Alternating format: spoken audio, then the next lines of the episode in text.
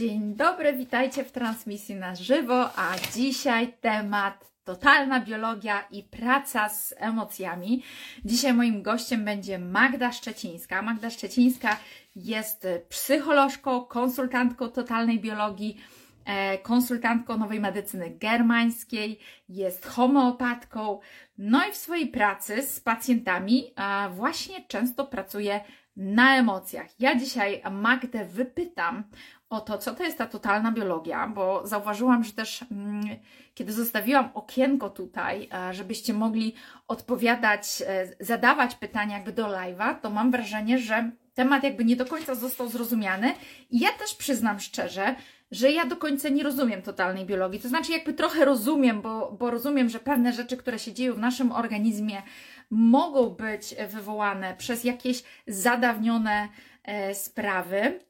E, ale totalna biologia wydaje mi się, że idzie jeszcze głębiej. No i nawet jeżeli mamy tą wiedzę, to co my mamy zrobić z tą wiedzą? I druga rzecz, jak to połączyć z wiedzą, wiecie, taką tradycyjną, taką wiedzą, e, że ja na przykład powiedzmy, idę sobie zrobić badanie, mam owsiki, swędzi mnie odbyt, a na przykład totalna biologia widzi, że jest to jakaś tam przypadłość. I teraz pytanie, czy ja powinnam pracować, wiecie, nad emocjami, żeby pozbyć się tych owsików, czy jednak powinnam wdrożyć leczenie, a może połączyć jedno i drugie. No i w związku z tym, że ja nie jestem ekspertem w tej sprawie, zaprosiłam do rozmowy ekspertkę, która nam dzisiaj tutaj na te wszystkie pytania odpowie. Super. E, I, I dla Was, i dla mnie, i zostaną pewne tutaj, że tak powiem, niejasności czy mity e, rozwiane. Cześć, witam Cię. Cześć. Dzień dobry, cześć Iwonka. Witam wszystkich. Posłuchałam chwilę tych wszystkich pytań, które masz w głowie. Będę się starała na nie odpowiedzieć. Myślę, że no to będzie wiesz, pytania nie są łatwe. Pytania nie są łatwe, bo ja też mam pytania od siebie i mam pytania tutaj od, e, od osób, które już e, w okienku e, zdążyły się o coś zapytać. Ja spodziewam się, że ten live będzie dzisiaj długi, bo ja będę chciała Cię wydusić jak cytrynę dzisiaj. Nie, nie wyduszaj mnie, ja nie pozwalam wyduszać. No dobra, e, Magda. Czy chcesz coś jeszcze dodać od siebie, e, czym ty się zajmujesz? Bo ja już Ciebie tu przedstawiłam, ale może nie dość dokładnie, może nie powiedziałam wszystkiego, może jeszcze coś trzeba dodać. Hmm. Nie, myślę, że takie najważniejsze rzeczy powiedziałaś. To, co ja mogę jakby od siebie dopowiedzieć, to to, że tak naprawdę, jeśli chodzi o totalną biologię, to mnie na jej ścieżkę zaprowadziła choroba. E, mhm. Choroba mojej córki. E, I konkretnie chodzi o AZS, na które ani lekarze konwencjonalni, ani ostatecznie homeopaci nie mieli lekarstwa. I nasze dziecko się męczyło od czwartego miesiąca życia z okropnym AZS-em nieprzespane noce. Tragedie, diety eliminacyjne, pasożyty, mhm. zentele i inne rzeczy szły. Nic, po prostu nic aż trafiłam właśnie na e, szkolenie do Poznania do Gilberta Renault, czyli twórcy właśnie totalnej biologii. I już na pierwszym szkoleniu mm, wykminiłam tak naprawdę o co chodzi. E, I chodziło konkretnie o, no oczywiście konflikt oddzielenia, bo to AZS, e, ale też chodziło tam bardziej o rodowe rzeczy, bo chodziło również o oddzielenie moje od mojej mamy, jak miałam mhm. 3,5 roku. I jak wróciłam do domu po tym szkoleniu, opowiedziałam wszystko we śnie mojej córce, która miała wtedy półtora roku.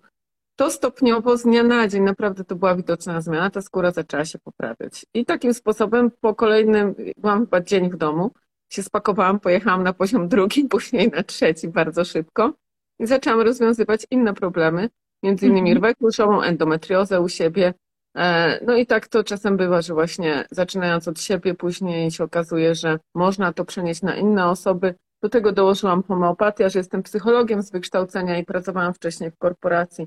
Zajmowałam się szkoleniami, rozwojem. To jakoś tak naturalnie przyszło, że ten rozwój ludzi wcześniej zawodowy przełożyłam na ten rozwój taki można powiedzieć zdrowotny. No i tak to właśnie jestem i mam przyjemność z Tobą porozmawiać właśnie, właśnie o totalnej biologii. To jest bardzo ciekawy wątek, który powiedziałaś, że pracowałaś w korporacji jako psycholog, czyli podejrzewam, że widziałaś tam ogromną ilość osób, e, które są schorowane, tak? Czy, czy o, tak nie tak. było? Ja też byłam przed, znaczy przez korporację, przez mój stosunek i emocjonalny do pracy w korporacji i do stresu między innymi, też byłam schorowana, tak. Ja myślę, że to nie ma znaczenia, bo są ludzie, którzy są w wolnych zawodach i są bardzo schorowani są ludzie, którzy pracują dla kogoś czy w korporacji, bo to jest jednak mhm. system, tak? Mhm. Natomiast no, gdzieś to było w dosyć dużej mojej niezgodzie, bym powiedziała ostatnie 2-3 lata, kiedy byłam w korporacji. No i też zajmując stanowisko wysokie, menedżerskie, cały czas będąc w kontakcie z zarządem i to nie tylko w Polsce, ale poza Polską na międzynarodowych funkcjach, to jednak ten stres e, dawał się bez znaki i ostatecznie odeszłam w momencie, kiedy, jak ja to mówię, złamało mnie w pół. Czyli miałam -hmm. taką rwę kulszową, że po prostu zostałam w łóżku i w momencie, w którym podjęłam decyzję po trzech dniach, że ja odchodzę, że to jest koniec, mimo tego, że dostałam ofertę na międzynarodowe stanowisko, miałam zarządzać e, menadżerami, dyrektorami, znaczy zarządzać ich rozwojem e, na poziomie międzynarodowym na całym świecie. Oczywiście lepsze auto, lepsza pensja, wszystko lepsze powiedziałam nie, dość, koniec e, i zdecydowałam, że po prostu e, to nie ma sensu. I, co ja tak naprawdę... że otworzysz własny gabinet i będziesz Nie, ja wtedy jeszcze, wtedy jeszcze nie wiedziałam, co ja będę robić, bo dopiero byłam po szkoleniach właśnie z totalnej biologii. E, nie wiedziałam zupełnie, co będę robić. Ja bym powiedziała, że byłam na etapie wypalenia zawodowego. Ja nie do końca jeszcze wiedziałam, że ja mam, znaczy podejrzewałam, że mam ADHD, to jest konflikt utknięcia akurat w totalnej biologii, jeśli chodzi o ADHD, czyli to utknięcie rzeczywiście tam dawało się we znaki. Zdecydowałam po prostu, że ja nie wiem co dalej, ale ja tam nie wrócę. Nie ma takiej opcji, bo zwolnienie lekarskie i, i, i koniec. I tak naprawdę w przeciągu doby mój stan się poprawił o 80%. Ja po prostu mhm. wstałam, zaczęłam chodzić, mogłam wrócić do pracy, ale wiedziałam, no, że... Okej, okay, ale wiesz co, w takim e, tradycyjnym podejściu można powiedzieć, że to był stres. No i ten stresor odszedł, tak? I, no i zeszło to wszystko z ciebie. A jednak ty masz taką tendencję z kuli tego, co wykonujesz, e, do szukania tutaj tych konfliktów i tych zależności w totalnej biologii. Ktoś normalnie by powiedział, a no to stres, stres szedł i, i od razu się lepiej poczułem. No i tak większość ludzi robi, oczywiście, że tak, bo jakby nie patrzy głębiej, nie patrzy, co to ciało chce powiedzieć. Jakby my tu mówimy o totalnej biologii, ale na totalną biologię składa się wiele rzeczy, bo Jakby zacznijmy od tego, co to jest ta totalna biologia. No właśnie, co to jest ta totalna biologia? Co to jest? No Czym to się różni na przykład od psychologii, od stwierdzenia mam stres albo mam chorobę? Wiesz co, w, pewnych, w pewnym sensie czasami niczym bym powiedziała, bo przecież jest gałąź psychologii, którą nazywamy psychosomatyką. I jakoś mhm. jak rozmawiam z konwencjonalnymi lekarzami, czy psychologami, psychoterapeutami konwencjonalnymi, dopóki mówię psychosomatyka, to wszystko jest ok. Jak nagle mówię totalna biologia, to o, to zabobony w ogóle, te jakieś czary mary, w ogóle o, o, czym, o czym tutaj? E, mhm. Natomiast jakby pytanie, skąd się wzięła totalna biologia, bo tutaj się trzeba cofnąć do nowej medycyny germańskiej, tak? E, no właśnie, jakby, czym one się ja różnią? Powiem, czy one są zależne? Bo ja myślałam, że to jest mhm. coś innego. Ja powiem szczerze, że mi od jakiegoś czasu jest bliżej jeszcze do medycyny germańskiej, bo to mhm. jest podstawa. Medycy... Nowa medycyna germańska to dziedzina, nie powiem nauka, bo to jakby no, naukowo nie do końca jest wszystko potwierdzone, ale jest to dziedzina, która została stworzona odkryta, nazwana przez doktora Hammera. Był to lekarz, był to lekarz mhm. niemiecki, który sam e, w momencie, w którym zachorował na raka jądra, e, po, akurat to było po stracie syna, jego syn został zastrzelony, zaczął zachodzić w głowę, skąd u niego ta choroba. No i zaczął badać pacjentów właśnie e, z rakiem jądra i z rakiem jajnika. No i co się okazało, że większość z tych osób w niedalekiej przeszłości, przed właśnie wystąpieniem choroby, albo straciło dziecko, albo na przykład zwierzę, które traktowało jak dziecko, bo to chodzi generalnie o kogoś, kogo traktujesz jak dziecko. Albo to dziecko było bardzo poważnie chore i groziła mu śmierć. No i co się dzieje? Co się dzieje jakby biologicznie, z poziomu biologicznego, jak natura stara się nas wyratować? Ano, e, jądra i jajniki są to organy, które służą nam do prokreacji, do rozmnażania. E, w związku z czym e, guz, który narasta w jądrze albo w jajniku, on ma za zadanie polepszyć, umożliwić nam lepszy, y, żebyśmy się mogli sprokreować w lepszy sposób. Czyli tak mhm. naprawdę zwiększyć wydolność organu do tego, żeby szybciej, żebyśmy byli w stanie szybciej e, jakby mm, odbudować sobie to, co straciliśmy, czyli dziecko.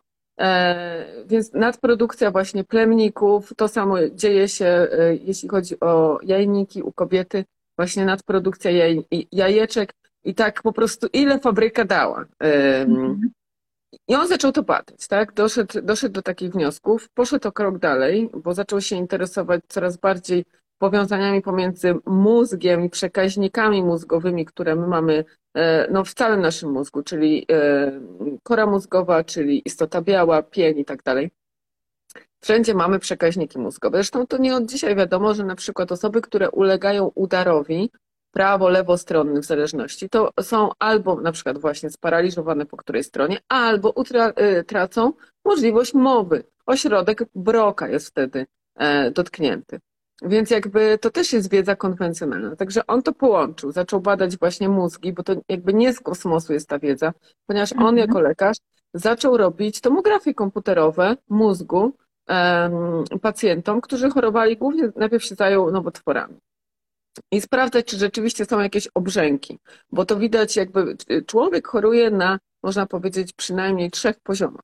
Czyli na poziomie mózgu, zawsze to się zaczyna w mózgu, czyli ten przekaźnik mózgowy jest dotknięty na poziomie psyche, bo na poziomie psyche my nie jesteśmy w stanie dać sobie rady, tak? Wyobraźmy sobie sytuację, kiedy e, dziecko zostaje zastrzelone. Przez to jest tragiczna sytuacja. Człowiek psychicznie bardzo dużą ma trudność poradzenia sobie z tą sytuacją.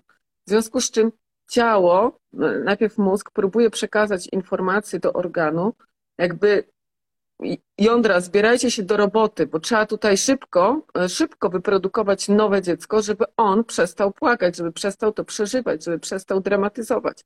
Więc to jest jakby e, ta zależność pomiędzy mm, trzema poziomami.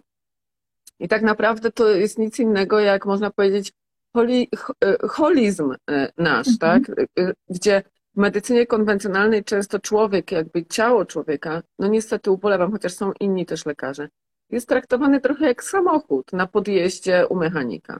O, tam mhm. sprzęgło się spieprzyło, no to trzeba tam wykręcić, wkręcić nowe, no, coś tam wyciąć, głowa, trzeba dać tabletkę, tak, czy problem tak. z wątrobą, no to rozwiążmy problem z wątrobą.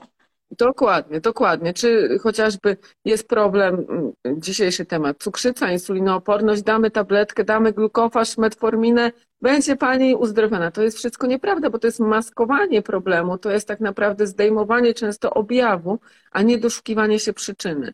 E, dlatego właśnie e, to podejście do e, przyczyny, do emocji, które za tym stoją, jest tak bardzo ważne. I tak naprawdę dla mnie to jest punkt wyjścia w terapii z pacjentami, jakby znaleźć przyczynę. I przychodzi do mnie pacjent i mówi, pisze tak naprawdę duży formularz i tam informuje mnie o tym, jaka choroba i co się dzieje. No to dla mnie zawsze celem jest znalezienie przyczyny. Co ciekawe, często pacjenci piszą w formularzu, jaka jest przyczyna, tylko nie widzą tego własnymi oczyma i też nie mhm. wiedzą. Mimo tego, że często właśnie czy, czytają gdzieś na grupach w internecie, dowiadują się, mnie obserwują, inne osoby obserwują, to nie potrafią tego konkretnego konfliktu wewnętrznego znaleźć. I właśnie ten konflikt wewnętrzny, to jeszcze może od razu powiem, bo pewnie gdzieś tam dzisiaj się pojawi. E, no, żeby wystąpiła choroba, musi dojść do konfliktu wewnętrznego. Tylko trzeba pamiętać, że konflikt wewnętrzny nie jest konfliktem psychologicznym. Jeśli coś jest na poziomie psychologicznym i my wiemy, że nie, ten szef mnie wkurza, jakby mam go dosyć, chcę odejść, to jest konflikt psychologiczny. Też jeśli to długotrwale jest, no to też bywa tak, że ciało może chcieć pomóc w tym odejściu. Jakby to zależy, jak będziemy organowo na to reagować. Natomiast czekaj, bo ja mam ADHD i czasami się zapędzę. O konflikcie wewnętrznym. Tak, e, o konflikcie wewnętrznym mówię. Więc właśnie jeśli chodzi o ten konflikt wewnętrzny, to one jakby muszą pewne warunki wystąpić. Przede wszystkim sytuacja musi być przez nas postrzegana jako dramatyczna. Natomiast no nie zawsze to jest. Poczekaj, zatrzym, zatrzymajmy się. No. Czy może być tak, że konfliktu sobie nie uświadamiasz? No tak, to właśnie na tym to polega w dużej Aha. mierze. I dlatego, mhm. dlatego ja mam nie pracę. Nie postrzegasz tego jako dramatyzmu. Nie, normalnie sobie żyjesz i nie wiesz, tak? Może tak, tak być. Tak, tak, tak, tak, tak. Dokładnie tak jest. Bardzo często tak jest właśnie. Dlatego, dlatego yy, pacjenci no, trafiają do mnie, do innych konsultantów, bo nie uświadamiają sobie, że no nie wiem, za nowotworem czy za jakąś tam chorobą neurodegeneracyjną, autoimmunologią stoi jakiś konflikt. Często to są też takie, bym powiedziała, konflikty długotrwałe, tak jak może być trauma wypadkowa, wiesz o czym mówię, że na przykład, nie wiem, jest mhm. wypadek, jest jakaś sytuacja, że nie wiem, ktoś, ktoś umarł, nie wiem, dochodzi do molestowania gwałtu, to jest, to się zazwyczaj postrzega jako traumę. A tak naprawdę są traumy rozwojowe, są traumy wieku dziecięcego, które ciągną się po prostu latami. I to są małe niby sytuacje, ale narastające, czyli na przykład, jeśli mamy, załóżmy, w domu y, jest żona i mąż, i ten mąż na przykład latami nie chce sprzątać, latami mówi tej żonie, ty, ty w ogóle weź, weź ogarnij, w ogóle, co ty robisz, kobito, ja już mam dosyć takiej żony. I ona to tak cierpliwie, cierpliwie, cierpliwie znosi. I na przykład tyje, tyje, tyje, tyje. Bo ona się musi na przykład powiększyć, żeby on przestał ją atakować, żeby ona była też zdolna do walki, albo żeby on nie chciał jej atakować, bo jak ona będzie duża, to jest jak taki, wiesz, taki kogut, co tak stroszy piórka, nie? I się powiększa po prostu i w jego oczach ona jest większa, więc on nie będzie chciał jej atakować. Dlatego to czasami są takie właśnie sytuacje, które narastają i jakby są poza świadomością. I to jest też tak często, ja to obserwuję, przykład przychodzi do mnie pacjent, no i jakaś tam choroba jest. Ja mówię, że słuchaj, przyczyna jest tego taka i tak. Mhm, mhm, mhm. I jak nie ma tej gotowości w ogóle zmiany, nie ma gotowości zrozumienia, to ja to obserwuję, że to jakby Mhm, mhm, mhm. Ale nic z tego nie wynika, jakby oczy są puste. E, I no ale poczekaj, właśnie... zatrzymajmy się, bo mm, człowiek nie zdaje sobie sprawy z konfliktu, tak? Przychodzi do ciebie i opowiada ci o jakiejś swojej chorobie, a ty widzisz konflikty, tak? Ale on sobie na przykład nic takiego nie przypomina. Czy może być tak, że to ty się pomyliłaś, a choroba jest wywołana czymś innym? Czy ona jest według y, totalnej biologii zawsze wywołana tym konkretnym konfliktem? Znaczy chodzi ci o to, czy wszystkie choroby są z, z powodu emocji? Nie, chodzi mi o to, że wiesz, przyszedł człowiek do ciebie, coś tam ci opowiada, ty mówisz, a to jest na pewno taki taki konflikt, a on sobie zupełnie nie przypomina takiej sytuacji, albo on nie postrzega tak, tego w taki mhm. sposób, tak? Okej, okay, dobrze. Wiesz, na przykład wiem. mamy jeszcze coś takiego jak hipnoterapię, gdzie to niekoniecznie wchodzimy w jakąś głęboką hipnozę, ale człowiek wchodzi w taki stan alfa, w którym jest w stanie wydobyć swojej psychiki rzeczy, które się wydarzyły, a których na poziomie y, takiego życia, wiesz, realnego, w takim e, stanie czuwania nie, nie, nie jest w stanie sobie uświadomić. Mhm. Wiesz co, to tak. Po pierwsze, ja nigdy nie mówię, a no dobrze, to masz taką chorobę, to jest taki konflikt, bo to jakby do nikąd nie prowadzi. Zawsze to wygląda w ten sposób, że ja po pierwsze dostaję formularz, on jest naprawdę upierdliwy ten formularz, e, w sensie jest mhm. długi i naprawdę trzeba się tam rozpisać, więc ja już mam jakąś wiedzę bazową. Natomiast na konsultacji zawsze pytam, z czym przychodzisz i czego potrzebujesz ode mnie, jakiej pomocy, więc rozmawiamy zazwyczaj przez godzinę, więc ja wiem, czego ja szukam w tych słowach. Czasami jestem w pełni skupiona, czasami gdzieś tam pozwalam sobie jakby trochę być szerzej, żeby zobaczyć więcej, usłyszeć to zdanie, które mi jest konkretnie potrzebne, tą konkretną mhm. informację. I zawsze, jeśli informuję, że przyczyna jest taka i taka, to popieram to przykładami z wypowiedzi, notatki robię, popieram to przykładami z formularza. I się później okazuje, aha, a, okej. Okay. Natomiast jakby jest jeszcze druga kwestia, bo trochę odpowiadając może szerzej na to pytanie. A, y, albo jeszcze zanim ta druga kwestia, powiedziałaś o hipnoterapii. Czasami też ustawieniowo pracuję, w tym sensie, że no coś tam gdzieś ustawiam w tym rodzie i sprawdzam, czy to nie są kwestie rodowe. Sprawdzam drzewo genealogiczne. Więc też epigenetyka gdzieś w to wchodzi, bo jakby traumy są mhm. przenoszone narodowo i na to są już badania. To Bruce Lipton napisał tak, bardzo. Jakby epigenetyka, wiesz, jakby więcej osób wierzy w epigenetykę dzisiaj niż totalną biologię, która im się wydaje czary-mary, tak? Okej, okay, niech będzie, niech będzie. Natomiast y, jakby w nowej medycynie germańskiej Hammer się nie zgadzał na to, że to może być przenoszone y, z pokolenia na pokolenie. Ja myślę, że on wtedy jeszcze nie wiedział. On umarł parę ładnych lat temu, mając ponad 80 lat. Natomiast Gilbert Renault, czyli twórca totalnej biologii, uczeń Hammera, oczywiście bierze pod uwagę epigenetykę, zresztą z Bruce'em Liptonem się zna. E, mhm. Ja zresztą też Bruce'a Liptona e, i słuchałam i czytałam e, biologię przekonań więc jak najbardziej się zgadzam. No to są badania po prostu naukowe, więc ja to też sprawdzam. Natomiast zawsze podchodzę do tego w taki sposób, że jakby żyjemy tu i teraz. Teraz mhm. dokładnie. Więc większość naszych problemów jest tu i teraz. Jeśli tu się nie doszukam, tak naprawdę, to dopiero idę grzebać dalej, po rodzinie. I zdarzają się oczywiście historie, bo przecież łuszczyca, choroba genetyczna, AZS genetyczne, bielactwo, moja babcia miała i tak dalej. I to jest często w ten sposób, że jest jakiś konflikt programujący, na przykład z okresu y, czasu ciąży, przed samą ciążą, właśnie z tego, z babci, z dziadka, też bardzo fajne pozycje książkowe, psychogenealogia w, w praktyce, -hmm. Ann Schutzenberger. Przegenialne książki, gdzie właśnie te rodowe, te rodowe choroby, jakieś sytuacje, samobójstwa popełniane, co ileś tam lat i tak dalej, przegenialne rzeczy. Ja to znajduję też na konsultacjach u moich pacjentów i pracujemy czasami z rodem, więc właśnie ustawiamy ten ród po to, czy kobiety, czy mężczyzny, y, mężczyzn, żeby te emocje móc po prostu przeprocesować, jakby też odpuścić e, ze swojego poziomu e, i z poziomu komórkowego. I chciałam jeszcze jedną rzecz powiedzieć, ale jestem e, rozwleczona jeszcze, bo gadam bardzo szybko, jak ja to zwykle. To ja się tutaj wtrącę. No to się... Nie, no żart. Zaczęli borować ściany. Wiesz co, zamknę nie, tylko nie, drzwi.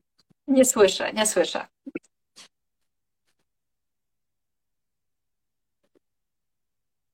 Dobra, udało to się. To ja się wtrącę, bo wiesz, y, y, jak już jesteśmy na takich e, tematach czary Mary, ja wiem, że dla niektórych to jest na pewno za dużo dzisiaj i to jest za mocne i to jest e, w ogóle nieakceptowalne, ale ja się też e, od dawna interesuję i hipnoterapią, i duszą i wiesz, czytałam też mnóstwo książek na temat wędrówki dusz i na temat hipnoterapii regresywnej i powiem Ci, to co Ty teraz mówisz, to się łączy z tamtym, bo na przykład te wędrówki dusz pokazywały, że my jakby schodzimy na ziemię też po to, żeby odgrywać określone role, e, i jak w poprzednim życiu, bo to, to, to, to prawdziwe historie, tak? Bo to był hipnoterapeuta, który pod wpływem rozmów z tymi osobami hipnozy mhm. regresywnej spisywał to wszystko, tak? I to było tak, że no. ktoś musiał być kimś tam, a później był kimś, a później jeszcze kimś. Takie ustawienia, wiesz, gdzie oni się zmieniali, wzajemnie rolę odgrywali. No i później dostawali jakby szansę na ziemi do przepracowania tego, bądź no niestety pozostawali w tym, co było, tak? Być może właśnie to jest też to. I e, tam były poruszane takie historie, że na przykład kogoś bardzo bolała szyja i ten ból był taki nieuświadomiony, nie wiadomo, bo nie było żadnej podstawy. I kiedy się cofnęli w regresie, to się okazało, że na przykład ten ktoś został zabity poprzez strzał w szyję i z tego powodu ta szyja boli. I już samo cofnięcie się do tego e, rozwiązywało problem tej osoby. No, no ja jakby ja bardzo jestem w zgodzie z tym, co mówisz. Książkę tą czytałam, wiele innych. E, też jakby tak wewnętrznie mam przekonanie, że nie jesteśmy tutaj tak po nic zupełnie, e, że jednak jest to jakiś plan nasz rozwojowy dla naszej duszy. Ciało jest nam potrzebne na pewno do tej wędrówki. Czasami to ciało e, ma nam wskazać kierunek tej wędrówki, właśnie tak mi się też mhm. wydaje, i móc przeprowadzić pewne zmiany. No być może na przykład y, było tak, że poprzednim życiu nie byliśmy w stanie na przykład komuś się sprzeciwić, skonfrontować się. Mamy się tego, te, tego teraz nauczyć. Być może na przykład w poprzednim życiu przeżyliśmy stratę i nie daliśmy sobie z tym rady, więc teraz również przeżywamy stratę, mamy się nauczyć, e, jak przeżywać tą stratę.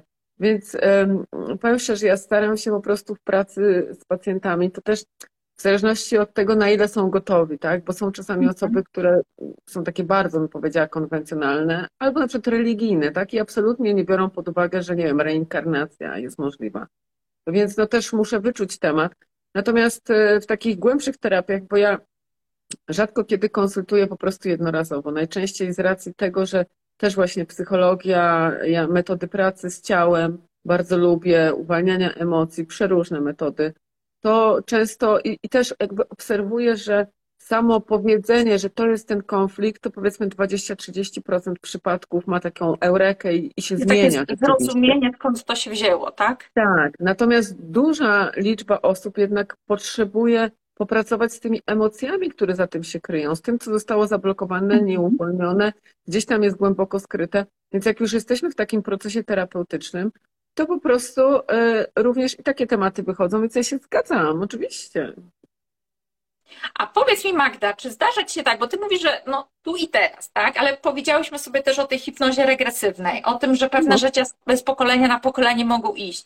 Mogą iść nawet nie rodowo, a iść, jakby powiedzieć, ustawieniowo w zależności od tego, jaką rolę odgrywaliśmy, bo my mogliśmy być e, czyją, czyimś kochankiem, tak? Jako kobieta mogliśmy być mężczyzną, no. albo moglibyśmy, mogliśmy być czyimś katem, a dzisiaj jesteśmy jego żoną czy mężem, tak? No, Więc to niekoniecznie muszą być rodowe, tylko mogą być pewne Karmiczne, role, które... Tak, które ustawialiśmy. Czy zdarza ci się na przykład, że ty mm, mówisz, kurczę, no tu i teraz, jakby nic nie znajdujemy i zdarza ci się odesłać kogoś na przykład do jakiegoś innego terapeuty, hipnoterapeuty, do e, hipnozy regresywnej. Czy miałaś też takich pacjentów, którzy wrócili może z takiej hipnozy regresywnej? Wiesz co, y, hipnozy akurat nie, natomiast y, zdarzało mi się, ale teraz będę musiała się szczerze do pewnych rzeczy przyznać, zdarzało mi się odesłać do takiej mojej przyjaciółki, która zajmuje się pracą, pracą z, tam, wiesz, z górą, ze źródłem. Z oczyszczaniem energetycznym, z karmą właśnie, gdzie widziałam, że jakby tu nie jest moja jurysdykcja, bo ja się w to w ogóle jakby nie wpieprzam się w to, szczerze powiedziawszy, bo ja się nie czuję, że E, ja do tego, że to jest moja misja, po prostu grzebanie gdzieś tam w energiach, oczyszczanie jakichś rzeczy karmicznych, tak, tak głęboko. Więc jeśli widzę, że to jest totalnie nie moje, to mi się rzadko zdarza, bo to pewnie bym powiedziała są dwa, trzy przypadki rocznie, bo też ja mm, nie chcę takich osób przyciągać, no ponieważ ja nie umiem im pomóc, mogę tylko odesłać dalej. E, więc, mhm. więc tak zdarzyło mi się akurat w, w takich kierunkach odsyłać. I zdarzyło mi się jeszcze w innych kierunkach odsyłać, gdzie na przykład, nie wiem, potrzebna była praca bardziej z ciałem, na przykład tre, terapia.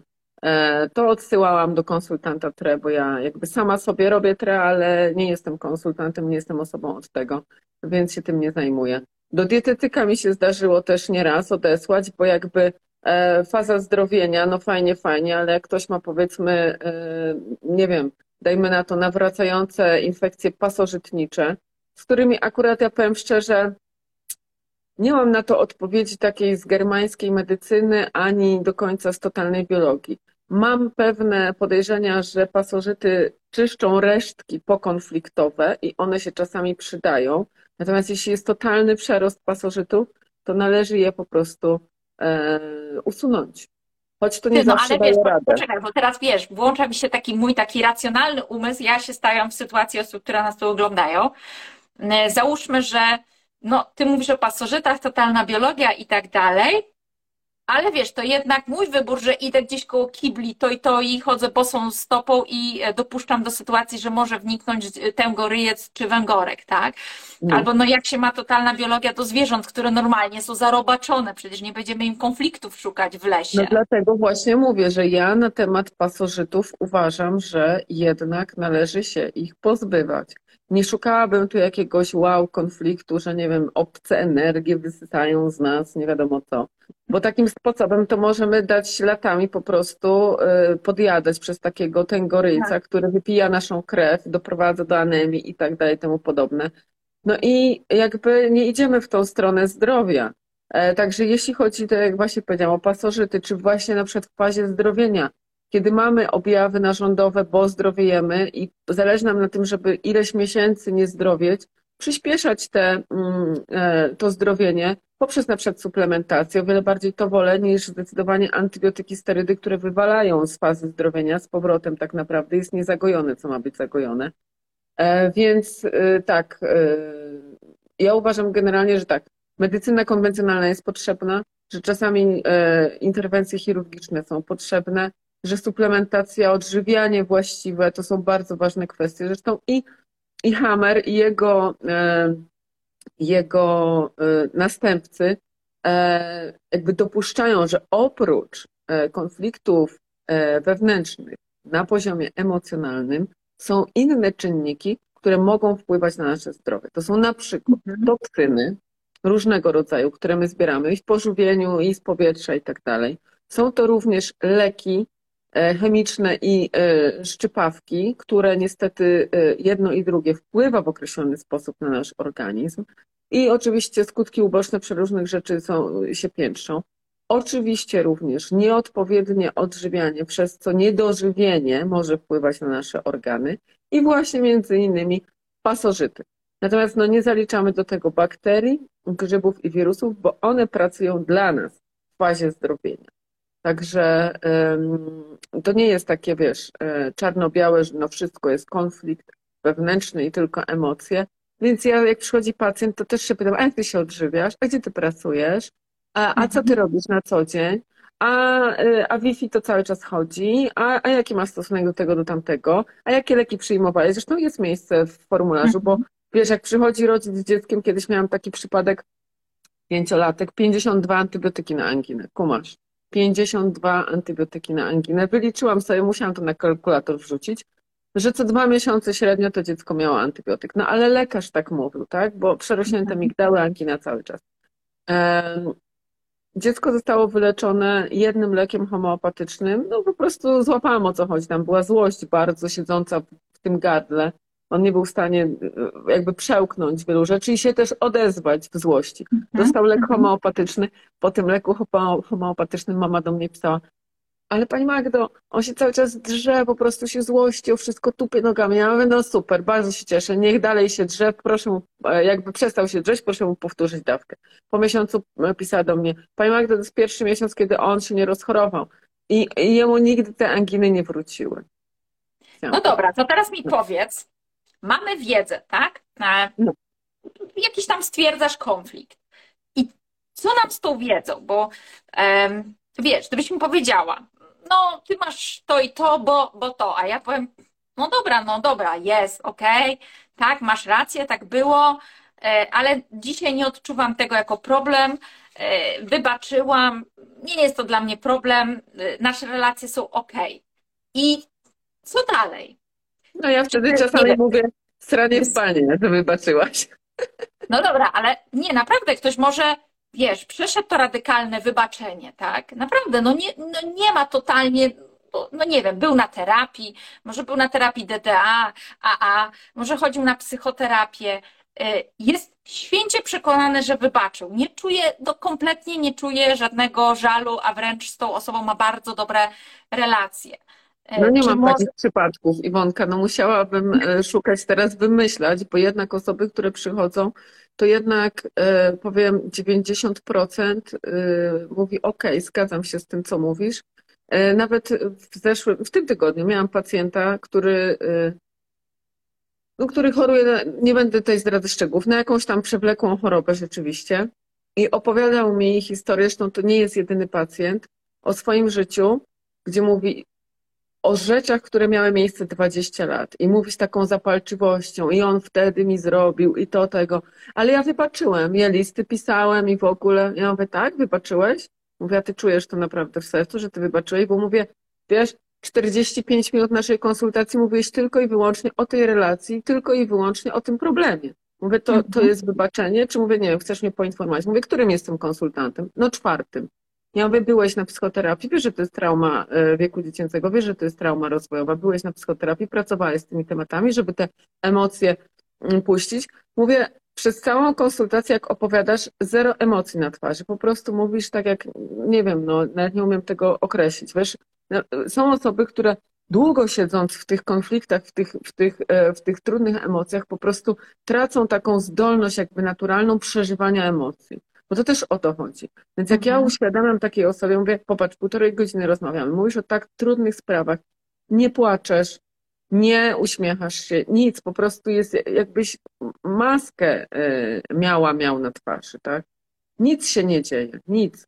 Więc mówię, to jest zabetonowane, to jest po prostu tak, e, e, wiesz, złożone, gdzieś zamrożone, tak? Bo tutaj jeszcze dochodzi do tego, że jakby w trakcie przeżywania tej dramatycznej dla nas sytuacji, czy kilku tych sytuacji, to dochodzi do reakcji e, też na nerwie błędnym, bo to się też pięknie łączy, porczes i inne rzeczy, że tak naprawdę my do wyboru, kiedy jest sytuacja ta traumatyczna, dramatyczna, mamy uciekaj albo walcz na dobrą sprawę. I nasz mózg automatyczny przelicza, bez naszej wiedzy zupełnie, bez naszej świadomości, co zrobić? No wiesz, jak podchodzisz do przejścia dla pieszych i nagle ciężarówka. Tam nie ma czasu, o Jezu, będę uciekać, będę walczyć, może mi się uda jak Superman. Nie, to, to jakby mózg automatyczny to robi. No i tak. W momencie, kiedy następuje przeliczanie, jest jeszcze trzecia opcja, mianowicie zamrożenie. I to jest znakomita reakcja organizmu na przeżycie. Dlatego, że jeśli, i tutaj ucieknę się do przykładu z sawanny afrykańskiej, byłam w tym roku w Afryce, to akurat. Nawet powiem, że widziałam podobny przykład. I to bardzo dobrze też mówi o tym, jakby daje pewną podstawę do tre, do drżeń neurogenicznych i w ogóle do tego, jak nasze ciało funkcjonuje. Więc tak, mhm. wyobraźmy sobie sytuację, że jest tam niech będzie e, lwica, która poluje na antylopę. No i tam biegnie przez sawannę, antylopa nie zauważyła, cyk, łapie tą antylopę. No ale jak zazwyczaj na National Geographic widzimy, to ta antylopa jest taka, wiesz, złapana tutaj za, za karczycho i, i tam wleczona przez, przez tego dzikiego kota. I ona żyje. Widać, oczy są jeszcze otwarte, ale ona jest taka, wiesz, o taka po prostu sztywna zupełnie. I to jest właśnie reakcja zamrożenia. I ona występuje właśnie u wszystkich ssaków. Czyli ona nie walczy, bo mózg przeliczył, y, nawet u zwierzęcia, że nie ma szans w starciu z lwicą. Ona nie ucieka, bo nie da rady po prostu uciec. Ona może się tylko zamrozić. Czyli to jest ta reakcja, która też występuje na przykład weteran wojny ci to opowie, tak? który ma PTSD. Ale mnie nic nie boli, wiesz, i to na filmach nawet pokazują. Noga ucięta, krew tryska, a on ha, ha, ha, hi, hi, hi, rozmawia. No bo co się dzieje? Ty wiesz na pewno, co się dzieje. Jak ja źle powiem, to, mi, to, to dopowiesz za mnie. E, zostają e, odcięte niektóre z tych neuroprzekaźników, leci dopamina, z tego co pamiętam, serotonina, żeby. Adrenalina. Adrenalina, tak. Żeby po prostu ten człowiek e, nie czuł bólu i mógł to przeżyć, tak? Więc on jakby ma zamrożoną tą kończynę w pewnym sensie i on też jest zamrożony. I do tego samego dochodzi u zwierząt. No i tak, dalej, jakby jesteśmy na sawannie. Ja wiem, że tu zboczyłam, ale to było potrzebne. Ta antylopa jest wleczona. Ona jest zamrożona. Dlaczego to jest szansa na przeżycie? Ano dlatego, że jest szansa, że tak, po pierwsze spłoszy się e, ta lwica, bo nie wiem, stado bawołów e, przebiegnie. Po drugie, zaniesie ją w bezpieczne miejsce, tą antylopę, i pójdzie po resztę stada, żeby się najadło, więc też jest szansa na przeżycie. Po trzecie, jak się zamrozi, to jest wszystko sztywne, te mięśnie są takie napięte, to właśnie nie czuć tego bólu. Więc jak ją będzie jednak spożywać, to ona po prostu nie będzie czuła tego bólu. No i co jest dalej? Wyobraźmy sobie sytuację, że jednak jest spłoszona ta lwica, czyli jest szansa na przeżycie. I to dobrze widać też, jak sobie poszukacie, słuchajcie, filmiku na YouTubie, wpisz nawet, an, e, an, ja pamiętam, Antelope e, Attack, e, czy Lion Attack on Antelope chyba trzeba wpisać. I to jest dokładnie pokazane. Więc jak odchodzi ta lwica, znika z pola widzenia, to ta antylopa wstaje i zaczyna dostawać takich drgawek, jak przy ataku padaczki. To wszystko się trzęsie, więc to ciało się rozpręża. Ona za chwilę wstaje, chwilę się potrzęsie i po prostu biegnie. Tylko, że u zwierząt jest to jakby na automacie. A u ludzi, jeśli oni przeżyją jakąś dramatyczną, traumatyczną sytuację, to my jesteśmy nienauczeni wytrząsać tego ciała. Zresztą ty rodziłaś, bo masz syna, ja rodziłam, e, mam córkę. Ja nie wiem, czy ciebie to spotkało po porodzie, jakby nie ma znaczenia, jaki to był rodzaj porodu. Te drgania, które są często, wiesz, przykryte po prostu kołdrą, te kobiety po porodzie się całe trzęsą. No i to jest dokładnie najlepsza, najlepszy sposób ciała. Zresztą to położne wiedzą, to jest dobre, dobre, niech pani się potrzęsie, to przejdzie. Czy po narkozie. To jest to mhm. wytrzęsanie z ciała. My natomiast, jak się czegoś przestraszymy bardzo i wejdziemy w reakcję zagrożenia, bo wyobraźmy sobie dzieciaka, na przykład, gdzie ojciec jest przemocowy, nie wiem, alkoholowy, drze się w domu, matkę tłucze. I to dziecko jest właśnie, ono nie może walczyć, bo agresor jest za dużo. Ono nie może uciekać, bo nie ma jak uciec. Ono się może tylko zamrozić, niestety. Ale nie jest nauczone, żeby wytrząść to z ciała. Ja pamiętam mhm. kiedyś taką sytuację z moją córką. Na hulajnogach gdzieś tam jechałyśmy i zobaczyłam faceta pijanego, który kopał jeża na drodze. I mówię, no ku, po prostu nie, nie, no nie, da, nie, nie przejdę obok tego. No i tam zaczęłam piłować koparę. Panie, zostaw pan tego jeża, coś tam, coś tam. Ale jemu się agresor włączył, mimo tego, że był z żoną i z dzieckiem. I on, wiesz, taki wielki taran, idziemy na tych hulajnogach, mówię, Pola, szybko, yy, uciekamy. On tam chwilę poszedł, coś się podarł, ja mówię, policję wezmę, panie, weź się pan, nie? Wezwałam policję rzeczywiście. I myśmy w końcu trafiły na policję, w sensie do, do komisariatu. Siedzimy na tym komisariacie, mówię do mojej córki, mówię, Polunia, jesteśmy bezpieczne. Panowie policjanci nas do domu odwiozą i tak dalej. Zresztą później namierzyli, namierzyliśmy tego gościa i go złapali. E, I co się stało z moim dzieckiem? Ona się automatycznie zaczęła trząść. Jak tylko usłyszała, że jest bezpieczna, jest, e, jakby są policjanci, popatrz, tam mają broń tego, ona się zaczęła trząść, czyli w momencie, w którym e, doszło do tej sytuacji jakby dla niej dramatycznej, ona się zamroziła, bo nie miała opcji walczyć, uciekać, przeciwnik był zbyt duży. I w momencie, w którym byłyśmy już na policji, to doszło do tego wytrzęsienia, także to nasze ciało jest genialne, tylko my jemu nie zawsze pozwalamy jakby przejść do końca całego procesu. No ale zobacz, tak jest, tak jest też bardzo często w życiu. Ja też bardzo często pacjentom e, podkreślam, że oni nie czują, że są chorzy, oni nie czują symptomów z własnego ciała No, ze względu na to, że to jest pewnego rodzaju zamrożenie, bo oni funkcjonują na wysokiej adrenalinie. Dzieci No. muszę odstawić do szkoły, do pracy muszę zrobić, e, ze wszystkim muszę zdążyć, e, pieniądze muszę zarabiać, na kredyty musi być i tak dalej. Co to? to jest Peter Levin, jeden e, z terapeutów światowych traumy, Somatic Przeczytaj tytuł, bo mamy, mamy Tak. odwrotnie. Obudźcie tygrysa, leczenie traumy. Zresztą jest kilka jego książek, Uwolnić cię od bólu. Natomiast w tych książkach jest dokładnie to, o czym ty mówisz. To, że ludzie nie czują swojego ciała. I tam są ćwiczenia na to, Tak. żeby e, nauczyć się z powrotem czuć na felsense. Zresztą ja mam rolkę u siebie na kanale też e, o felsensie, także można sobie zerknąć, e, bo bardzo często właśnie, tak jak ty mówisz, nawet nie czują wody, więc pierwsze ćwiczenia, które są, to pójść pod prysznic, puszczać zimną, gorącą wodę na zmianę i po prostu się wsłuchiwać w to swoje ciało, jakie to są uczucia w ogóle. Co, my wyłączamy tą możliwość słuchania naszego ciała, bo to jest słabe, to jest, e, to poza tym mm, nie jest, e, to nie jest dla nas do przeżycia jakby, bo jeżeli ja e, słuchałabym swego ciała, to rozpłakałabym się, to bym uciekła, to bym nie poszła, to bym nie zrobiła, to bym położyła Hmm. się spać, to bym poszła na spacer, a jednak wiesz, my musimy być w kieracie. My Mówimy, że mama czy chora, czy zdrowa, to zawsze jest zdrowa, bo dla dziecka musi być.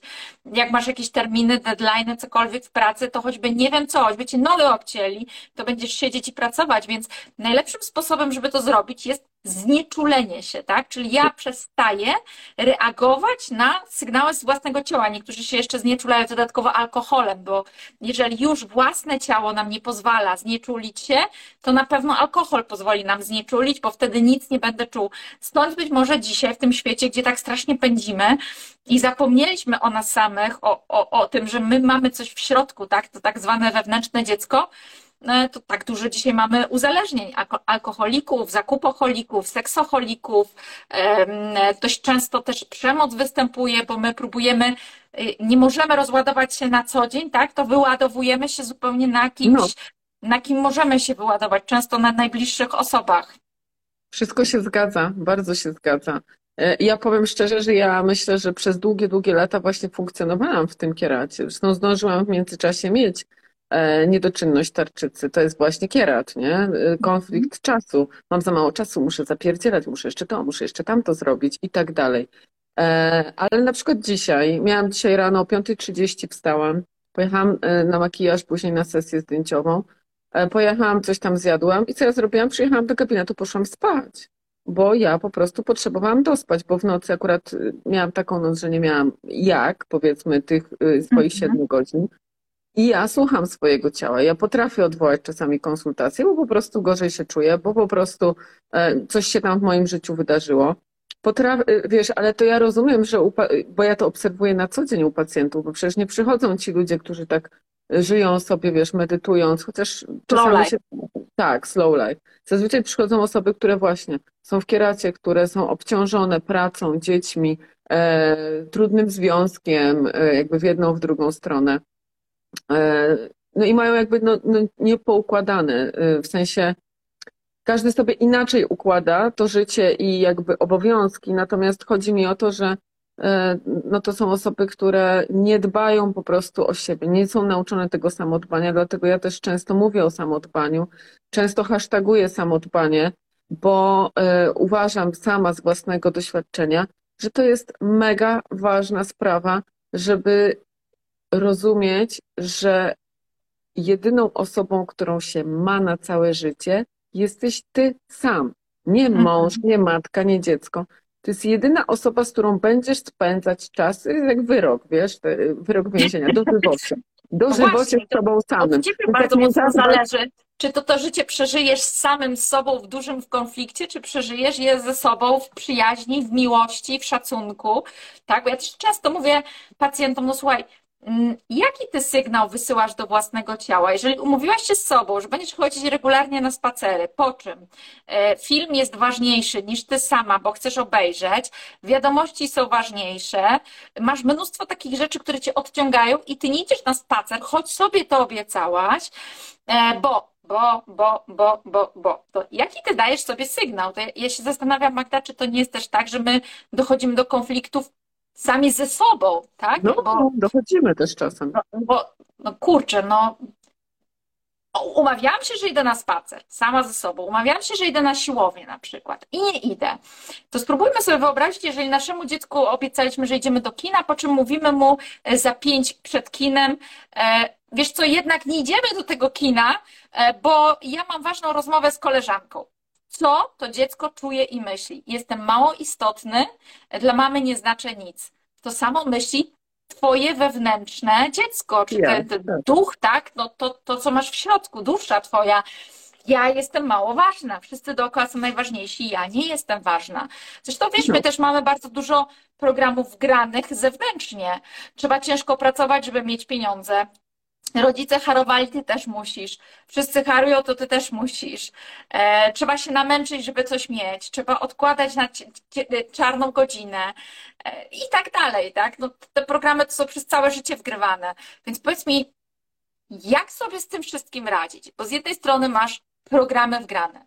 Z drugiej strony samemu sobie robisz krzywdę, obiecujesz, nie, nie, nie dotrzymujesz słowa wobec samego siebie. A trzecie, to w ogóle możesz mieć traumy przenoszone z poprzednich żyć. A czwarte, to możesz mieć jeszcze jakieś konflikty, rozumiesz, z tego życia. No i no wiesz, wybuchło w tym momencie, nie?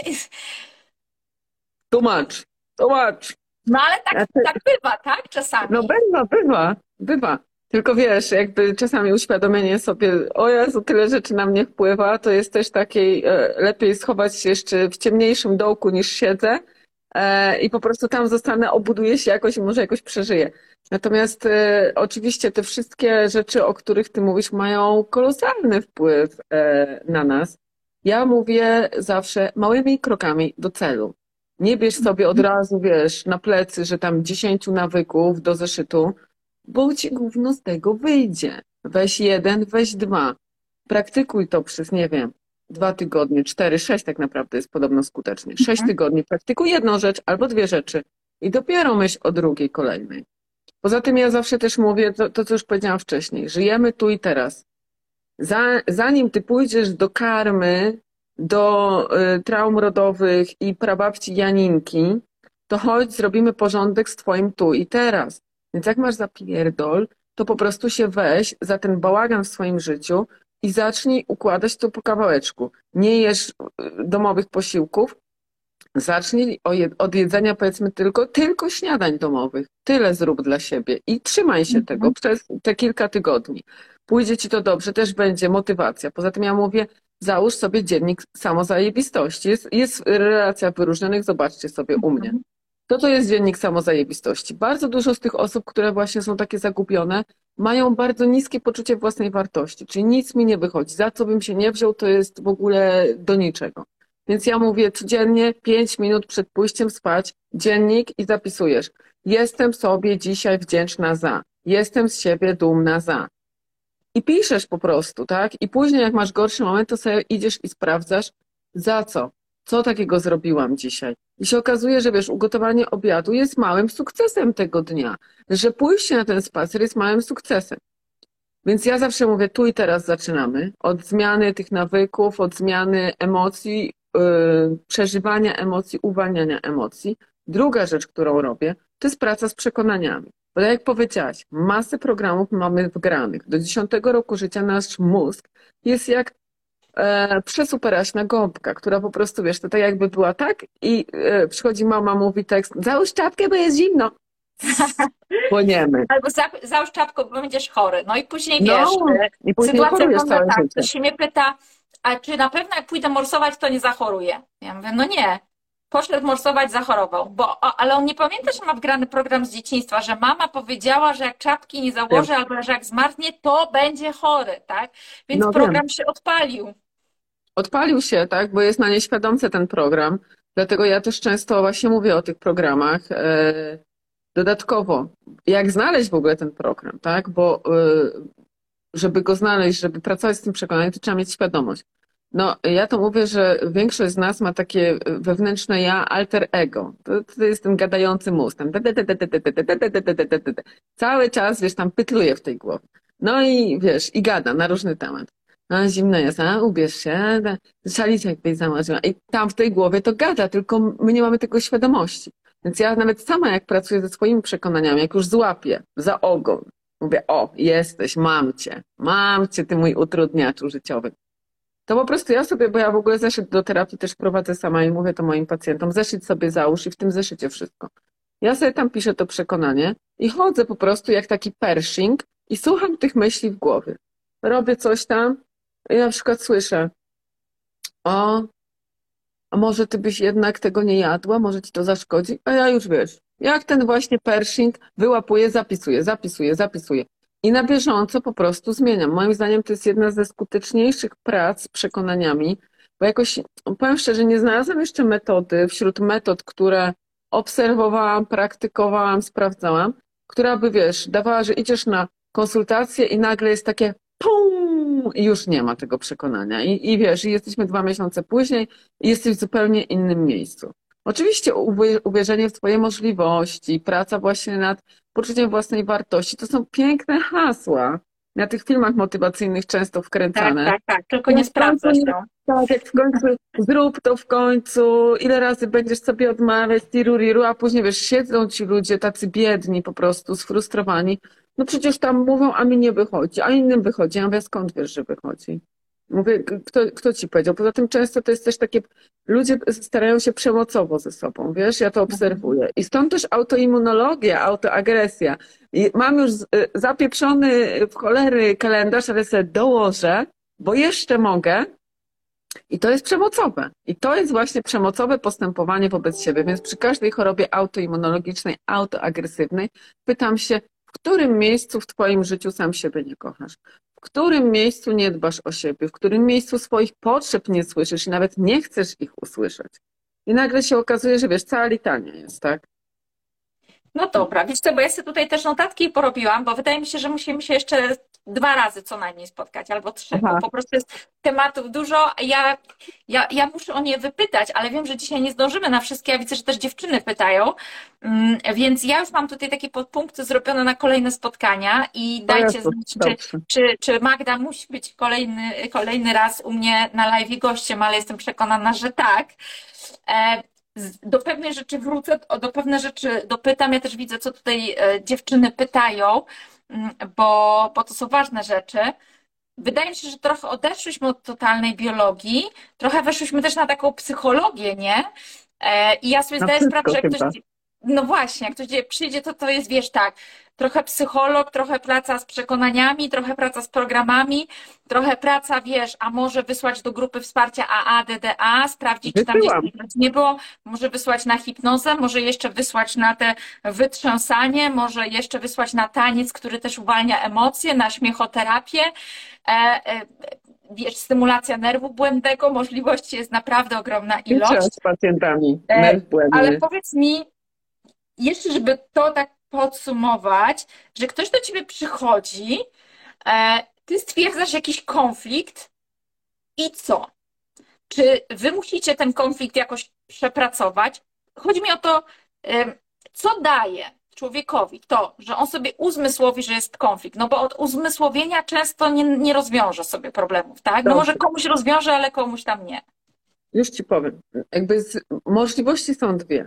Bo przede wszystkim, to czego nie powiedziałam, to to, że jeśli chodzi o konflikty, to one są albo w fazie aktywnej, albo w mhm. fazie zdrowienia. I e, w zależności od tego, która część mózgu jest dotknięta, inne są objawy. No ale przyjmijmy, że jest to sytuacja, w której jest w fazie zdrowienia.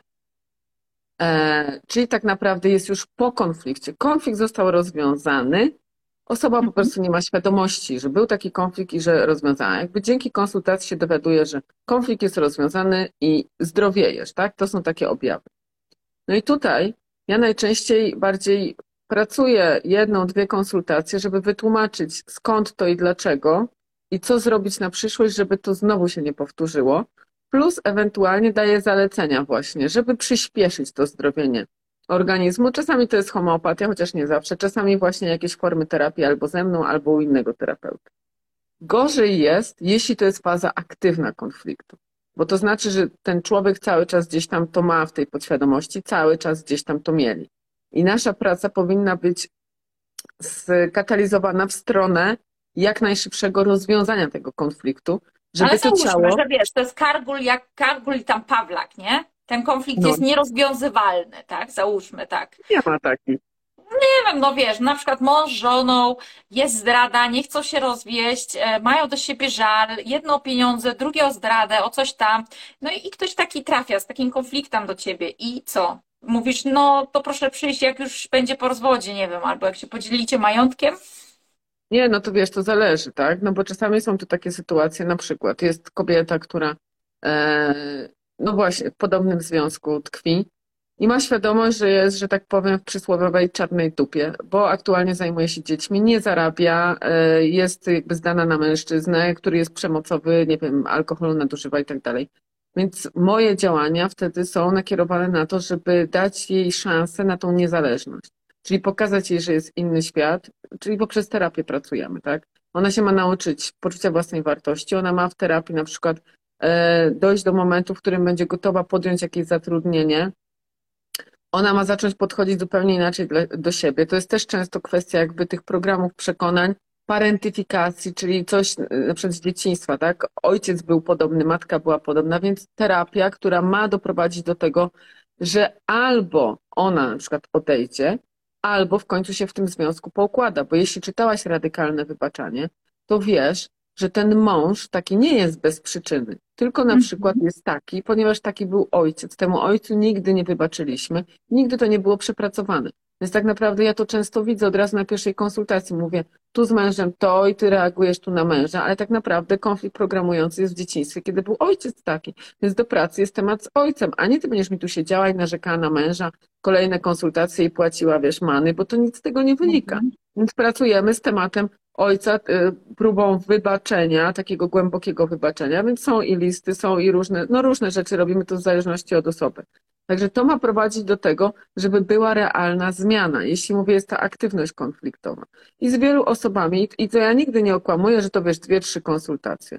Te terapie trwają czasami kilka tygodni, a czasami kilka miesięcy. Się standardowo umawiam co dwa tygodnie i zazwyczaj to jest kilka miesięcy, ale są kolosalne zmiany. Wychodzą osoby z depresji, wychodzą z, z Czyli to są takie terapie psychologiczne u ciebie? No, wiesz, nie wiem, czy ja tak mogę to nazwać, w tym sensie, no tak, no, y, łączę psychologię oczywiście z innymi narzędziami, bo i wiesz, i praca z wewnętrznym dzieckiem, i właśnie radykalne wybaczanie, e, pisanie listów, e, procesowanie e, w kwestii w ogóle odpuszczania, i trochę z Hawkinsa ciągnę, i właśnie z terapii traumy, czyli chociażby Lewin, czyli Lowen, ćwiczenia, wiesz, e, z ciałem e, lowenowskie, e, ćwiczenia Mm, Boże, life force'owe czasami mi się zdarzają. Nerw błędny, no bo ten układ nerwowy jest cały rozchwiany, także no ćwiczymy tutaj najprostsze masaże chociażby, czy te ćwiczenia, wiesz, oczami, tak, żeby stabilizować ten układ nerwowy. Także ja bym powiedziała, to jest ileś tam przeróżnych narzędzi, które ja w zależności od e, też możliwości danej osoby, bo co innego, jeśli osoba powiedzmy to jest jej w życiu, nie wiem, druga, trzecia terapia, przeszła DDA, już pracowała nad matką na przykład i tam już jest poruszane i tak dalej. No to jakby inne to są też narzędzia niż osoba, która jest świeża w kwestii terapii. No ale no, mówię, no to jeśli to jest aktywność konfliktowa, to zazwyczaj jakiś czas to trwa. Bywają przypadki, w których osoba ma, wiesz, taką eurekę, oświecenie nagle i y, spływa na nią e, na przykład wybaczenie, czy spływają jakieś emocje, które, wiesz, jest w stanie przeprocesować.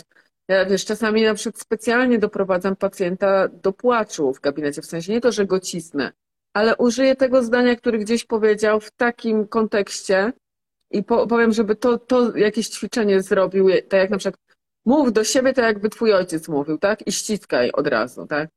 I Mhm. nagle jest po prostu tak, jakbyś tamę zwolniła. Przycisk maszyny losującej został zwolniony i po prostu to jest taki, wiesz, szloch wręcz. I o to mi chodziło, dlatego że to jest ten moment, kiedy ta emocja się procesuje, kiedy jest to przeżywane, to zostało, wiesz, zatamowane, zablokowane, zamrożone.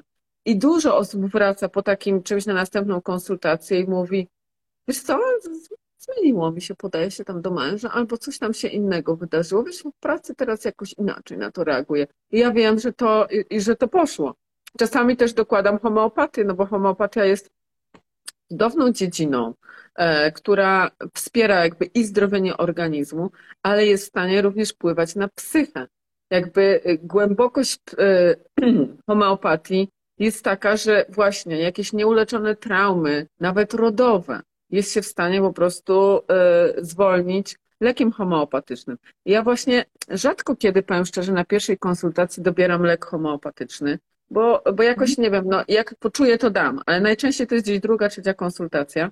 Jak widzę, że jest jakieś utknięcie przed w temacie matki i daję na przykład lek matczyny, mleko matki, jest taki znakomity lek homeopatyczny, lek, e, lek humanum, gdzie jak na przykład doszło do zaburzenia więzi z mamą e, w okresie poporodowym, albo ta matka, nie wiem, pracowała, nie mogła się tym dzieckiem zajmować, no różne rzeczy. Ja mówię o dorosłych osobach. Daję to lek humanum i nagle, wiesz, tak jakbyśmy trzy konsultacje przeskakujemy. Nie trzeba tego wszystkiego wałkować, męczyć się z tym, mhm. tylko jesteśmy już w innym miejscu. Oczywiście później bywa, że jest inny obraz leku, inny lek jest konieczny do podania.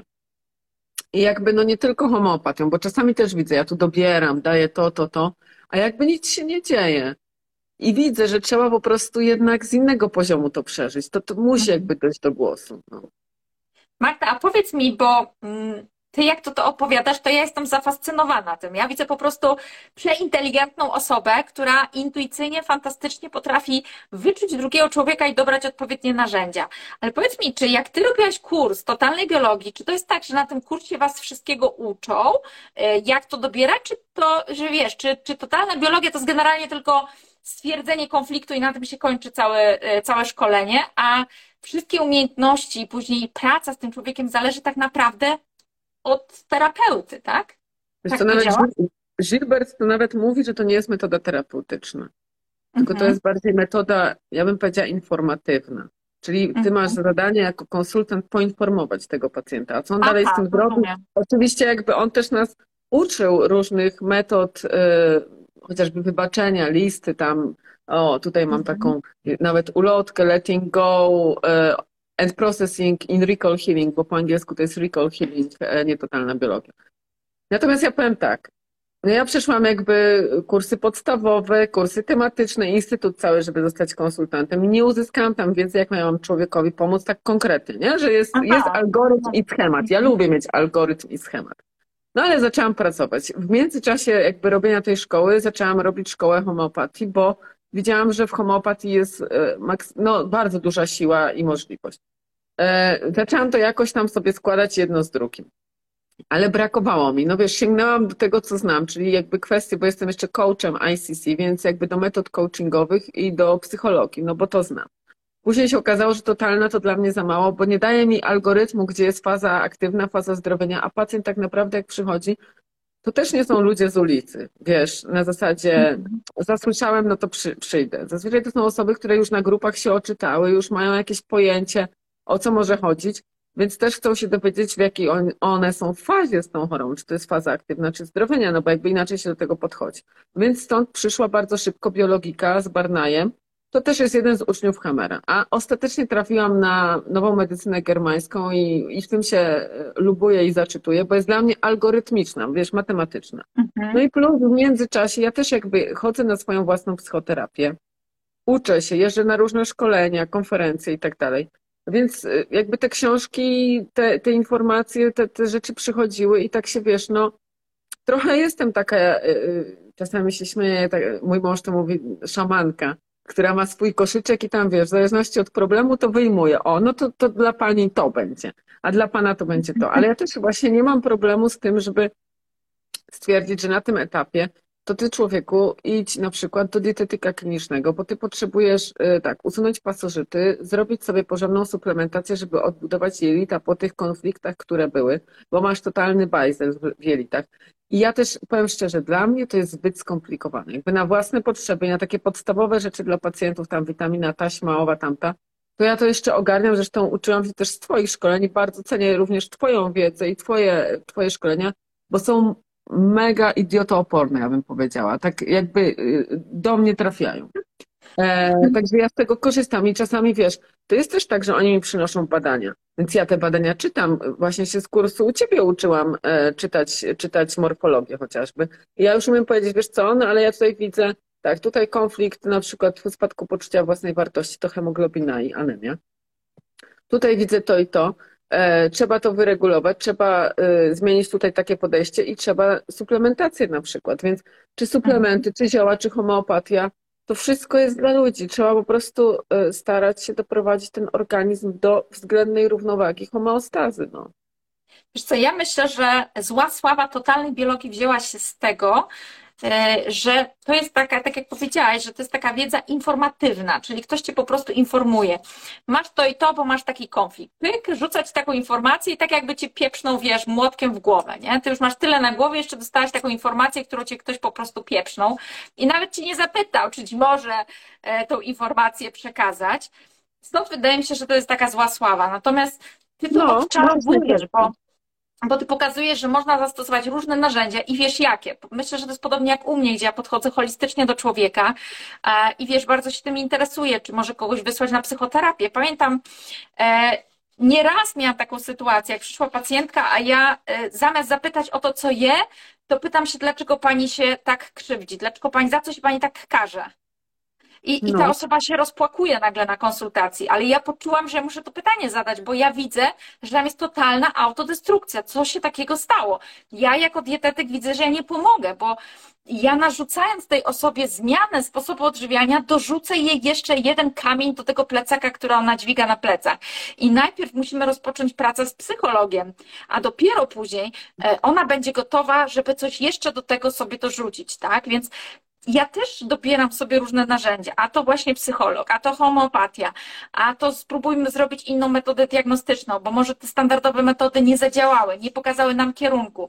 Może poszukajmy w emocjach, może akupunktura, może chirodoterapia, tak? Tego jest bardzo dużo i mnie to tak totalnie wszystko mega wciąga, że ja czasami sobie myślę, że życia może mi zabraknąć na, na zgłębienie tej wiedzy. Teraz zaczęły mnie jarać grzyby i to wiesz, to jest tak, że ta wiedza sama mnie szuka, tak? Ja na nią nagle wpadam i ja sobie myślę, tak, to jest coś, co, co jest mi potrzebne. Ja muszę to zgłębiać. Kurczę, teraz wiesz, muchomory w ogóle, to jest wow dla mnie, odkrycie, że można czerwone muchomory po prostu jeść. No można podobno. Tego jeszcze no. nie zgłębiam, ale ja też tak mam, wiesz, ja po prostu kupuję tych książek po prostu na pęczki, jak tylko coś podchwycę, o Jezu, jakie super fajne, to po prostu znikam. Jeszcze jak e, przy ADHD to jest tak fajnie, że się wpada w taki hiperfokus i na przykład trzy dni, wiesz, bym siedziała z tymi muchomorami, dajmy na to, po prostu wszystko wyczytała, cały internet, wszystkie filmy obejrzała, wszystko się dowiedziała, bo ja po prostu e, nie ma nic innego przez te wtedy kilka dni, co mnie interesowało. Później to gdzieś tak. tam odłożę oczywiście, ale zostają informacje i, i one tak później właśnie wyskakują trochę jak królik z kapelusza, jak przychodzi pacjent i ma jakąś potrzebę, więc ja bym powiedziała jeszcze tak kończąc ten wątek, który e, ostatni, który zaczęłaś, że dużo zależy właśnie od konsultanta. Większość konsultantów, znaczy większość, są konsultanci, którzy mają jakąś dodatkową metodę pracy, e, którą wspierają jeszcze pacjenta. Są tacy, tacy którzy informatywnie to, to traktują. Po prostu przy, przy, przychodzi się jak do sklepu po to, żeby uzyskać jakieś informacje. Natomiast myślę, że no, trzeba podchodzić do tego jak najbardziej holistycznie. E, ja uważam to za jedną z metod, e, które ja stosuję w kwestii pomocy. Tak naprawdę daje mi to dobre otwarcie spotkania. W tym sensie, że przychodzi ktoś, ma problem i możemy poszukać, e, poszukać przyczyny i w związku z tym to jest takie otwarcie dla tego pacjenta do zmian w życiu, które on może przeprowadzić. No i oczywiście nie każdy jest gotowy, ale ja na siłę tego nie zrobię za nikogo. Dawno już zrzuciłam z siebie odpowiedzialność za właśnie jakby pacjenta w pełni. Ja jestem tu po to, żeby wskazać kierunek, dać narzędzia, motywować, ułatwiać, ale nie odpykam roboty za kogoś. No. Mhm. No tak, no oczywiście. Wiele osób uważa, że zapłaci i ozdrowieje, tak, ale to tak nie działa. E, a mm, świadomość, którą nabywają później, boli, no bo to jest też trochę tak, że jak już wiesz, to coś z tym musisz zrobić, zaczyna być to niewygodne. To jest taki kamień w bucie, tak? Już wiesz i teraz to nie jest tak, że możesz zwalać winę na kogoś, teraz ty musisz odbębnić tą robotę, więc to chodzenie z tym kamieniem w bucie jest niezbyt wygodne, tak? Ale no niektórzy mimo wszystko potrafią długo chodzić z tym kamieniem w bucie i nic z tym nie zrobić. Szukając tak zwanych e, rzeczy z zewnątrz, tak zwani zewnątrz sterowalni, czyli to, to nie ja, to przez kogoś, tak? To rząd jest zły, to nie wiem, ceny wysokie i tak dalej.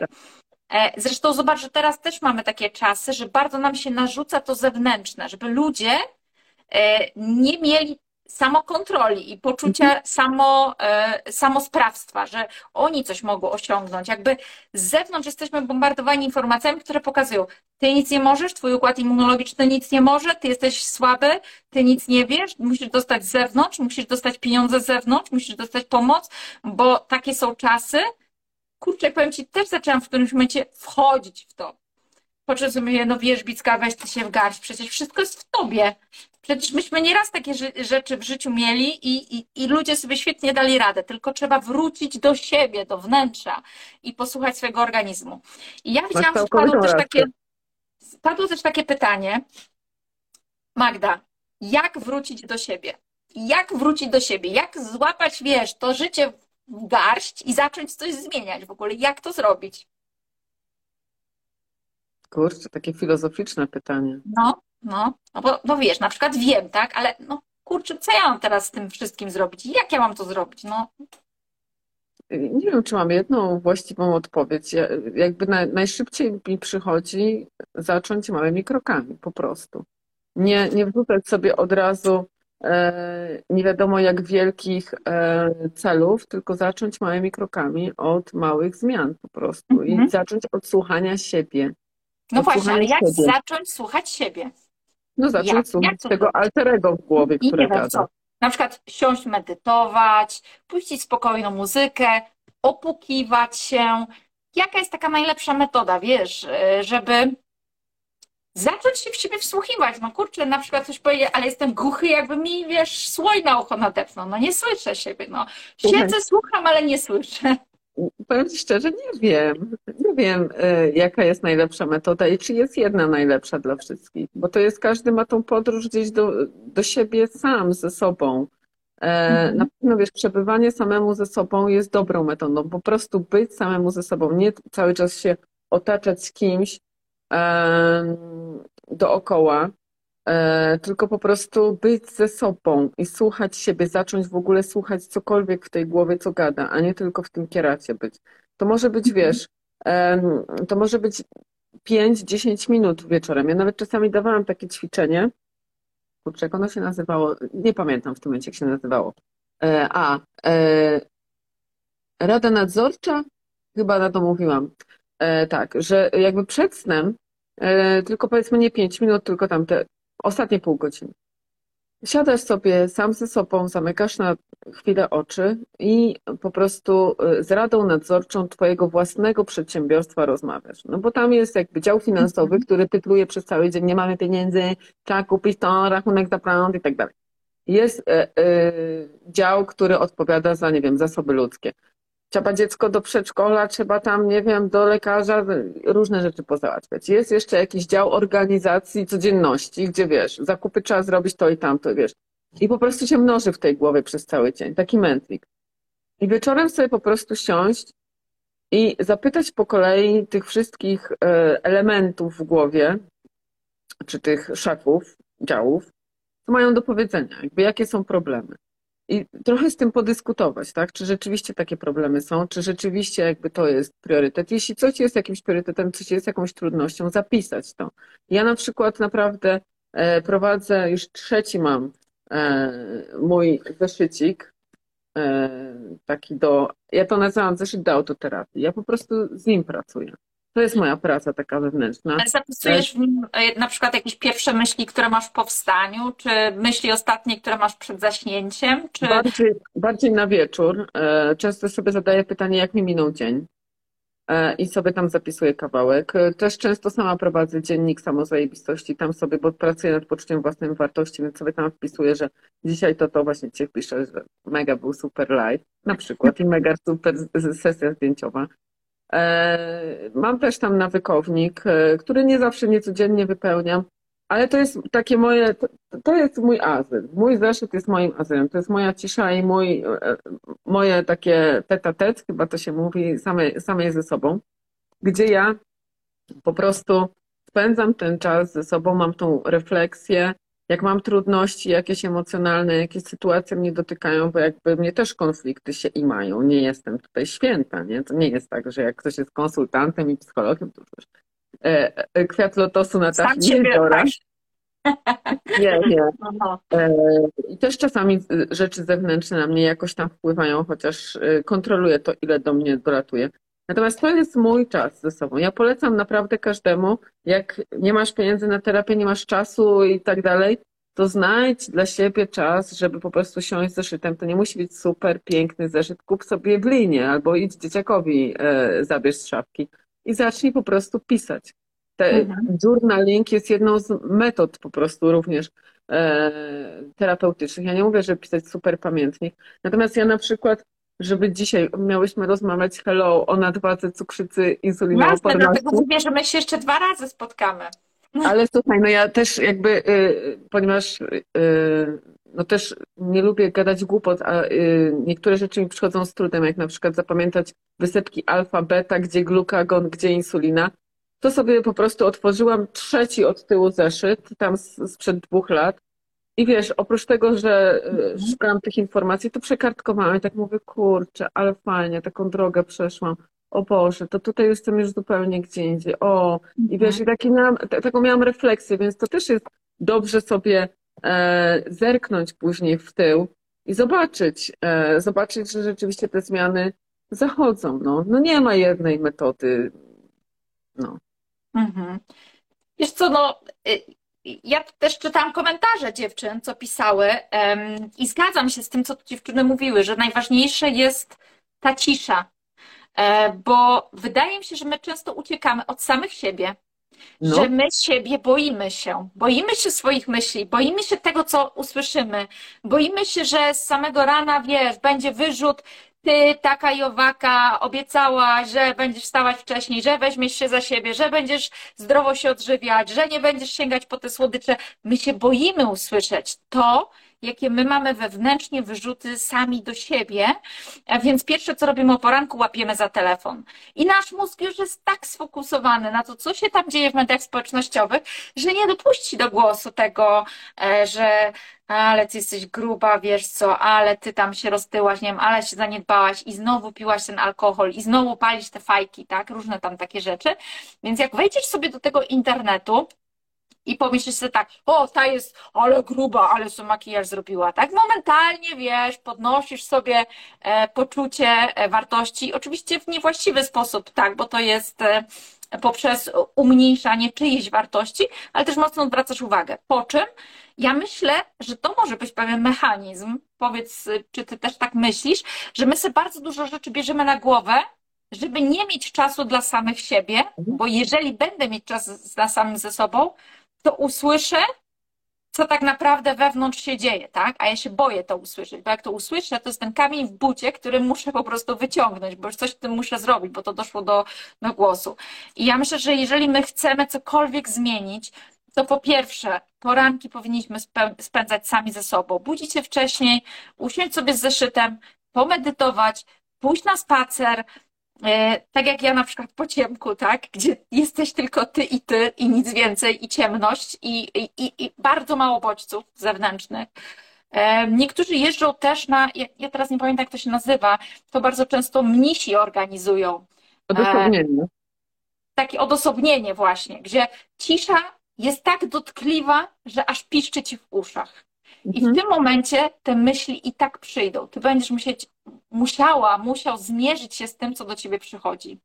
No, wiesz, to też jest e, moim zdaniem bardzo często mm, dokładnie tak samo się dzieje, kiedy osoby nie decydują się na podjęcie terapii przez lata. Bo tak naprawdę dlaczego się nie decydują? Boją się konfrontacji z samym sobą na dobrą sprawę, najczęściej. Więc e, to, co ty mówisz o tym właśnie lęku przed tym, co się e, usłyszy i nieumiejętności jakby odpowiedzi na to, to bardzo często się pojawia. E, A okazuje się przecież, tak jak powiedziałam wcześniej, że to jest wyrok na całe życie. To jest jedyna osoba, z którą ty to całe życie będziesz musiał, musiała spędzić. No i tylko od ciebie zależy, od tego stosunku samemu do siebie, jak to życie będzie wyglądało. Jak będziesz się olewać, jak nie będziesz siebie słuchać, ze sobą samym rozmawiać, no to to życie, no nie wiem, pewnie fajne nie będzie. Znaczy, gdzieś tam czasami starcza e, tego alkoholu, żeby zalewać wszystkie smutki i myśli, ale bywa taki moment, że już no, nie starcza takich możliwości albo jakieś inne używki. I wtedy trzeba jednak e, wrócić do swojego wnętrza i tam pogadać. E, ja to czasem się śmieję, że my wszyscy trochę jesteśmy jak tacy schizofrenicy, bo mamy wewnętrzne głosy. Tak. Tylko trzeba po prostu otworzyć się na tą naszą wewnętrzną schizofrenię i zacząć słuchać tych głosów. Bo te głosy naprawdę, czyli te myśli, które nam przylatują, one dużo mówią. I i to nawet jeśli się rano usłyszy, że e, od samego siebie, znowu zaspałaś. Y, są odpowiedzi na to, tak? Bo się za późno mhm. położyłam. A czemu się za późno położyłeś? Bo to i to. No i co? I chcesz tak robić dalej? No nie chcę tak robić dalej, więc chcę to zmienić. To nie, było, to nie była trudna rozmowa. Znaczy pytanie, co będzie później na wieczór, ale to może być ten właśnie pierwszy krok do tej zmiany. Tak, to, to jest genialne to, co ty mówisz, bo ja bardzo często sama ze sobą rozmawiam i wtedy sobie myślę, kurczę, no zachowuję się jak taki schizofrenik właśnie, który sam ze sobą gada. Zadaję sobie pytanie i sama sobie odpowiadam. Ale to jest właśnie niesamowite, bo tutaj też Marlena pyta, jak odprogramować, jak zacząć? No właśnie mnie się wydaje, od ciszy, od odłożenia telefonu, od zrobienia detoksu od mediów społecznościowych, od zrobienia detoksu od ludzi, od skończenia z przymusem robienia zawsze czegoś, imienia wypełnionego w całości kalendarza. I wtedy jest czas na to, żeby zadać sobie pytanie. A jak sobie no, zadamy pytanie. Jest... No, jakże to jest niekomfortowe, taka cisza. Tak. Och, ile osób tego nie lubi, moi pacjenci tak mówią, no ale co ja mam niby robić? Albo przychodzą i mówią, wiesz, próbowałam leżeć i nic nie robić. Ja mówię, no i jak? Wytrzymałam 7 minut. 7 minut, już byłam taka wkurzona. Ja nie potrafię tak w ogóle nic. Jak to I wiesz, i dalej. Ja mówię, dobrze, to spróbuj teraz 5 minut. 5 minut w ciszy. Mówię, nie musisz jakby liczyć tego czasu. 5 minut sobie spróbuj. Usłysz po prostu, zapisz. To, co usłyszałeś, zapisz w zeszycie. No i przychodzi na następną konsultację, mówi, wiesz co, jak poleżałam te 5 minut, to mi tam powiedziało w głowie to i to. A, a widzisz, a popatrz. No i mamy temat do rozmowy. Więc jakby to czasami nie są jakieś... Często się naprawdę pacjentom wydaje, że to trzeba jakieś wow. Ja też nagrałam swego czasu bardzo fajną rolkę, e, jak tu z pacjentem kiedyś rozmawiałam i mu tłumaczyłam odnośnie dziennika samozajebistości. Tłumaczyłam mu to ileś miesięcy, wiesz, że jakby gdzieś tam się to przeplatało. Nie, on nie będzie, jakby no może, ale wiesz, widzę, że nie. I tak mówię, słuchaj, a tak y, jak idziesz do kibla na dwójeczkę, no, mówiłam mu prawdziwie, bo ja to rozmawiam z pacjentami, mówię, jak idziesz srać, to ile ci się schodzi na kiblu, tak? Jak bierzesz telefon i tam siedzisz sobie. No to tam 10-15 minut. Ja mówię, zajebiście. Słuchaj, to na następny raz, jak będziesz chciał nie robić tego dziennika zajebistości, to pomyśl sobie, że z dziennikiem samozajebistości wchodzi ci krócej niż ze sraniem. I, mhm. I on to tak załapał, że zaczął robić ten dziennik. Właśnie taką ro rolkę nakrałam, prześmiewczą trochę. Ale właśnie e, jakby skonfrontowanie tego, że niektóre działania, właśnie bycie w ciszy, bycie ze sobą, to jest 5 minut. 5 minut, mamy 24 godziny na dobę. Co to jest 5 minut? Czasami nic, a czasami później się okazuje w ogólnym rozrachunku, że Słuchaj, dzięki 5 pierwszym... minut to jest ogromna ilość, bo nasze myśli przepływają szybciej niż w najlepszym procesorze. Tak. Tak, dlatego wiesz, później się okazuje, że te 5 minut to była, e, to, to była pierwsza aktywność, która okazała się być zmieniającą w całym, w całym wiesz, życiu i podejściu do życia. E, Magda, powiedz na koniec, bo już wiesz, prawie półtorej godziny rozmawiamy, to tak leci. E, powiedz na koniec, bo powiedziałaś, że przychodzą nowe i nowe konflikty. I ja bym chciała, żeby, wiesz, na koniec, żeby to nie zostało tak, że to co ja mam dożywotnie już pracować ze samym sobą, bo wiesz, na przykład powiedziałeś, że metoda małych kroków, coś tam rozkminiliśmy, może później ewentualnie przepracujemy to, co się tam w dzieciństwie wydarzyło, a tu jeb, kolejny konflikt przychodzi i co? I co? I wszystko od początku? Czyli jest to tak, że my później potrafimy już sami ze sobą pracować? Czy te konflikty, no. czy my potrzebujemy terapeuty, czy te konflikty tak na zasadzie, wiesz, totalnej biologii nawet mamy już tą świadomość, tak? Że to, a to jest pewnie ten konflikt, my potrafimy coś z tym sami zrobić? Tak, często jest tak, że właśnie po terapii, czy to jest terapia, wiesz, u mnie, czy to jest po prostu psychoterapeuta i po prostu, tak, jest, jest terapia, to często już nauczenie się emocji, nauczenie się przeżywania, nauczenie się, że coś mi służy, coś mi nie służy, że warto słuchać swoich potrzeb i jakby te zmiany w życiu następują, no to po pierwsze się nie wpada w ileś tam który, konfliktów, które się do tej pory wpadało, bo po prostu masz zmienione podejście do życia. No oczywiście jest tu potrzebna jakaś samokontrola, jak we wszystkim, żeby wiesz, jakby w stare, utarte schematy nie wchodzić znowu, no bo wiesz, jak zostałeś nauczony powiedzmy, nie wiem, jeżdżenia prawą stroną ulicy, no to będzie ci trudno się przestawić na lewą. Albo będziesz miał ochotę później znowu wracać na tą prawą stronę. Więc to też jest jakby kwestia samokontroli i moim zdaniem to jest taka y, na życie kwestia higieny życia. Czyli jak się pewnych rzeczy nauczysz, to warto z nich po prostu y, gdzieś no do końca życia je praktykować. No jak się już nauczyłeś, że warto poleżeć na macie do akupresury, bo ci to napięcie zdejmuje, no to y, zmień to na życie. Ty na pewno, jak uczysz ludzi na konsultacjach zmiany y, jedzenia, to nie mówisz, że to będzie dieta eliminacyjna na trzy miesiące czy tam na pół roku. Pani schudnie, już może pani później pierdolę słody, słodycze, tylko tłumaczysz im zapewne, że wie pani, no zgodnie z badaniami, tararara, to chodzi o to, żeby pani zmieniła swoje nawyki żywieniowe na życie. Nie na, na teraz, tylko na życie całe. Więc to jest podobnie u mnie. E, jakby w pracy, którą ja mówię, że te nawyki, te przekonania, te, e, to samo dbanie, ono ma zostać na życie. Więc dzięki temu po pierwsze wpada się w mniejszą ilość konfliktów, albo nie są chociaż aż takie intensywne. Druga kwestia. Często osoby, które już powiedzmy pracowały ze mną albo z innymi konsultantami, mają świadomość tego, że jakieś konflikty istnieją, więc są w stanie zaobserwować, chociażby wiesz, przez samą obserwację, że ktoś chodzi podkurzony cały czas, zirytowany, w sensie ja, nie? Chodzę podkurzona, mhm. zirytowana, coś się dzieje. No to ja zaraz y, włączam radar, jakby namierzanie, nie? O co kaman? Co, co się dzieje w moim życiu? Co mi nie pasuje? Co jest dla mnie niewygodne? Dlaczego ja tak reaguję? No i patrzę sobie. E, I ja bardzo szybko to znajduję. W sensie kiedyś mi schodziło się tygodniami albo miesiącami, żeby znaleźć. E, teraz to ja praktycznie pół dnia, tak, dwie godziny, cztery godziny, mhm. to już jest tak, że widzę, że i ciało mi często podpowiada. Mam bardzo fajną teraz relację z moim ciałem. W sensie pojawia się jakiś objaw drobny, bo ja po prostu słucham swojego ciała i, i, i dopuszczam te, te objawy. I coś tam się pojawia drobnego, to ja tak, no dobrze, siądę sobie w ciszy, zamknę oczy, no to co mi chcesz powiedzieć? O co chodzi, tak? Co tutaj, co tutaj nie zagrywa? Skąd, y, na przykład, nie wiem, żołądek nie pobolewa. Czego nie mogę strawić? Od razu sobie zadaję pytania, które wiem, że wiążą się z mhm. konfliktem. No czego, czego, nie możesz dzisiaj strawić? Co cię wkurzyło? Cze, czego nie możesz zrozumieć? Wiesz, i, i zaraz przychodzi jakiś tam ping-pong. bo właśnie można sobie zadać pytanie do objawu, tak? Jeżeli ty znasz tą zależność między danym organem, danym konfliktem, to postawisz sobie pytanie, a to ciało zawsze odpowiada, zawsze. Tylko my tak. musimy nauczyć się jego słuchać. Tak, dlatego wiesz, ja teraz na przykład rozpoczęłam e, dwa tygodnie temu taki cykl wtorkowy, wtorki z TB e, u mnie na, na tym, na Instagramie.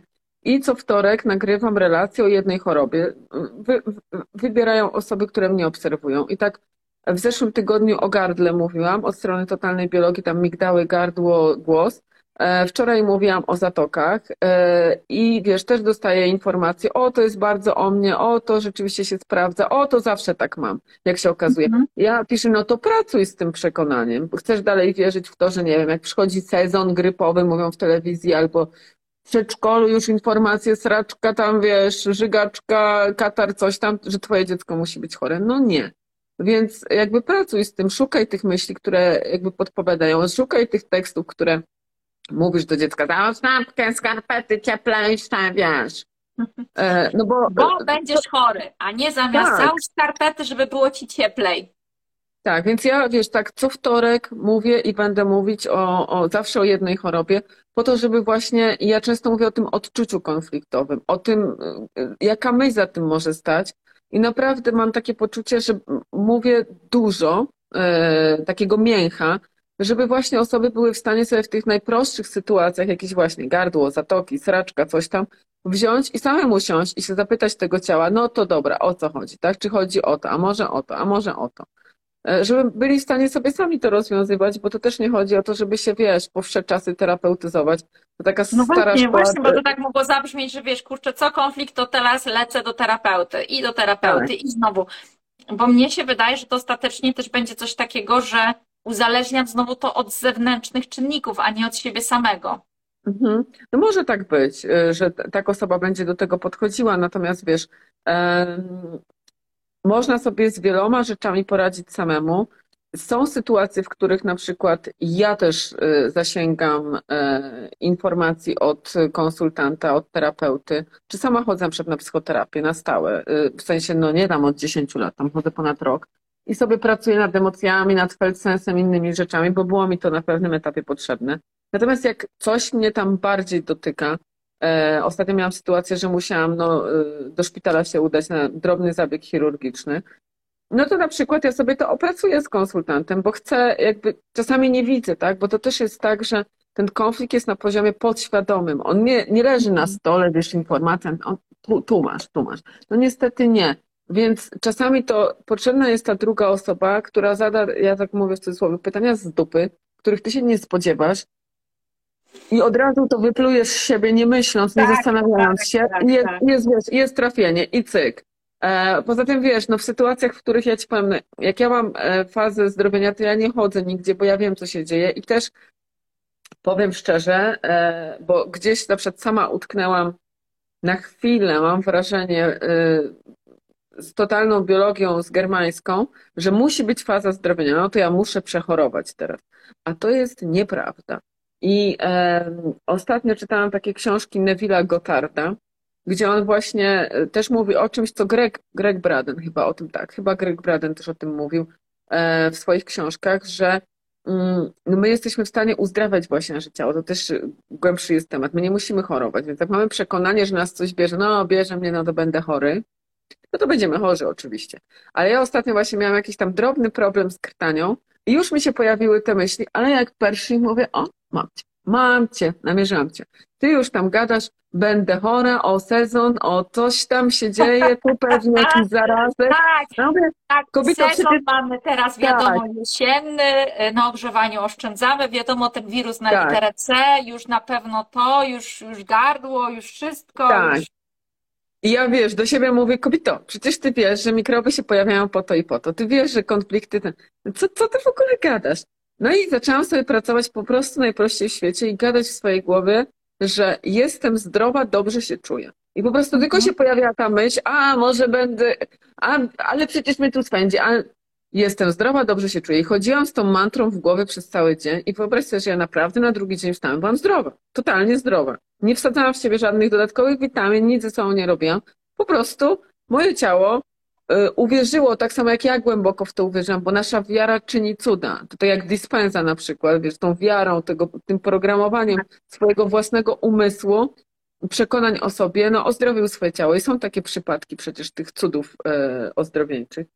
I naprawdę to jest, myślę, możliwe. Tylko trzeba to poczuć, poczuć głęboko w siebie, że w sobie, że jest się zdrowym i się człowiek dobrze czuje, a nie wierzyć w to, co powiedział lekarz czasami. Jak lekarz podał diagnozę, schować te wszystkie dokumenty, iść do innego lekarza i nie mówić, co już było zdiagnozowane. Jak ja mówię, że będzie faza zdrowienia, będziesz przeżywał, ale często mówię wtedy, e, że nie musisz być chory. Możesz być zdrowy. Wystarczy, że e, sobie to głośno powiesz, e, do lusterka nawet, do lusterka. Ja potrafię do lusterka gadać, a mój mąż się śmieje. Ty to jesteś dobra, co tam jeszcze powiesz do tego lusterka? Ja mówię, ale popatrz, jaka to jest, jakie to jest przyjemne audytorium po drugiej stronie. Popatrz, jaka fajna kobie, kobieta to jest, to i piękna jeszcze do tego. Ja sobie lubię z mądrym porozmawiać i z ładnym. I ja naprawdę, może jak wariatka czasem, ale moim zdaniem to jest właśnie szacunek do siebie. Codziennie rano się zapytać, zanim cokolwiek, no jak tam dzisiaj Madzia, jak się dzisiaj czujesz? Po prostu, tak? A no tu, tam gdzieś chyba źle spałam. No dobra, to się porozciągamy. Porozciągamy się chwileczkę, będzie ten. Przychodzi jakaś emocja, to stoję przed lusterkiem i na przykład potrafię sobie powiedzieć, boję się. Tak, przed zabiegiem chirurgicznym, ja taka niesystemowa, ja sobie naprawdę jadąc do szpitala mówiłam głośno, boję się jak jasna cholera, po prostu boję się, co tam zastanę, ale wiesz co, powiedziałam to do siebie parę razy i to jakby rozpłakałam się jeszcze w tym samochodzie przy mężu. Spłynęło, jak wiesz, y, jak po płaszczu przeciwdeszczowym deszczowym spłynęło. Pojechałam tam, się położyłam, pośmiałam się y, na tym oddziale z tymi pielęgniarkami i tak dalej. I naprawdę było w porządku, naprawdę. Także można, wszystko można. Trzeba tylko chcieć coś zmienić. I tym pozytywnym akcentem, bo mamy bardzo długi live i ja widzę, że mamy stałą liczbę obserwujących, więc wszyscy tutaj chyba z dużą uważnością tego słuchają i to pewnie ci tego można słuchać i słuchać. To są takie moje tematy, ja je uwielbiam, bo ja mam w sobie bardzo głęboko zakorzenione takie poczucie samosprawczości i wiarę we własne możliwości i nieraz dostałam zawsze dostaję odpowiedzi na pytania, które sobie zadaję, tylko był kiedyś ten pierwszy raz, kiedy się odważyłam zadać sobie pytanie i uwierzyłam, że odpowiedź dostanę. Być może nie natychmiast, być może nie na drugi dzień i być może nie od samej siebie, a często od sytuacji albo osób, które spotykamy na swojej drodze. Bo przecież te grzyby też sobie wymarzyłam. Jak szłam przez las, myślę, kurczę, ja bym tak chciała na te grzyby, żeby mi ktoś to tak wszystko pokazał. Pyk minął tydzień i jest informacja. Grzyby zaczęły wychodzić zewsząd po prostu. Filmy mi się zaczęły podpowiadać. E, ktoś gdzieś pojechał na warsztaty, zobaczyłam, tak? Więc to jest ten pierwszy krok.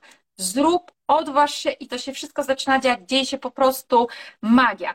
A ja w kolejnych odcinkach będę chciała wrócić z Tobą do tego tematu, dlaczego tyjemy, dlaczego jest tak dużo osób, które mają insulinooporność, dlaczego e, kontrolowanie siebie w lustrze i na wadze jest e, problemem i czasami może być e, odwrotnie. Mm, I kilka problemów, e, które tutaj osoby do mnie napisały, ale też będę chciała, żebyś opowiadała o wstrząśnięciach, bo wiem, że są takie e, metody, o tre, o których powiedziałaś, o uwalnianiu emocji, o e, pozbywaniu się programów, o ustawieniach, ustawieniach Hellingera, Helling, tak? Jak one się nazywają? Tak. Hellingera. Także to wszystko będę chciała poruszyć w następnym naszym live'ie. E, ale też jak zapiszę dzisiaj tego live'a, to poproszę, żeby padły pytania pod spodem, bo być może dla nas jest wszystko jasne, a dla osób, które oglądały e, pewne rzeczy były niejasne i będą chciały, e, żebyśmy dopowiedziały coś jeszcze. Wszyscy tu pytają, kiedy kolejny live, więc jak live się skończy, to ja na pewno tutaj z Magdą spróbuję coś ustalić, jakiś kolejny termin.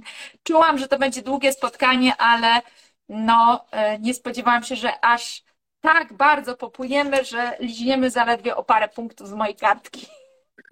No, to znaczy, że dobre, dobre kobiety się dobrały i dobrze nam się rozmawia, mamy fajny flow. E, to znaczy tylko tyle, że możemy dużo dobrego dla innych osób zrobić, chociażby w uświadamianiu, podpieraniu się na jakieś zmiany. Ja bardzo chętnie oczywiście Iwonka z Tobą się jeszcze spotkam i podpowiadam na przeróżne pytania. A ja e, też oczywiście odsyłam Was do Magdy, bo Magda też powiedziała, że w każdy wtorek robisz, e, e, powiedz jeszcze raz, co robisz, co u Ciebie na kanale można znaleźć? Robię wtorki z TP i wtedy opowiadam właśnie o chorobach z punktu widzenia totalnej biologii, wybranych przez Was chorobach, bo jest zawsze w poniedziałek głosowanie. Oprócz tego w wyróżnionych jest informacja i o zeszycie do autoterapii, i o dzienniku samozajebistości, o nawykach, o schematach, o przekonaniach, E, o tarczycy, no dużo, dużo rzeczy, no i oczywiście o homeopatii, natomiast no ja się nie specjalizuję, powiem szczerze, w takiej homeopatii infekcyjnej. E, są o wiele lepsze osoby i tutaj też będziesz miała live'a z, z Dominiką Tomczak tak z gabinetu Domivita, moja serdeczna koleżanka, zresztą nawet mój prywatny homeopata, jestem zachwycona tym, jak ona mnie prowadzi. Tak, mam własnego homeopatę, wyobraźcie sobie, bo też uważam, że nie należy samemu się leczyć. Mm, także też czekam z, z niecierpliwością na, e, na tego live'a z Dominiką, na pewno będę. E, także ja infekcyjnie nie, ja bardziej rzeczywiście stany przewlekłe i zdecydowanie bardziej stany psychiczne. Do mnie też dużo osób z nerwicą, z depresją przychodzi. No z przeróżnymi rzeczami, z tarczycą mam dużo osób, też właśnie nadwaga, niepłodność, e, czasami nowotwory, chociaż nowotwory są trudnymi tematami w sensie no, obciążającymi również emocjonalnie. Natomiast tak, tylko że ja nie mam e, wolnych terminów na ten moment, jakieś tam pojedyncze się zdarzają bardzo rzadko. Ale masz mnóstwo informacji na Instagramie i Tak, Myślę, że wiele osób może po prostu z tego korzystać. zapraszam serdecznie. Będą też jakieś webinary, planuję w najbliższym czasie, bo stronę www będę zmieniać, także na pewno się będzie dużo działo. Jak macie ochotę, to z szerokimi ramionami Was powitam u siebie e, i będę starała się edukować tak, jak robię to do tej pory. Dziękuję Ci za dzisiaj. Dziękuję Ci bardzo, Iwonka. Spokojnej nocy i do zobaczenia następnym razem. Do zobaczenia.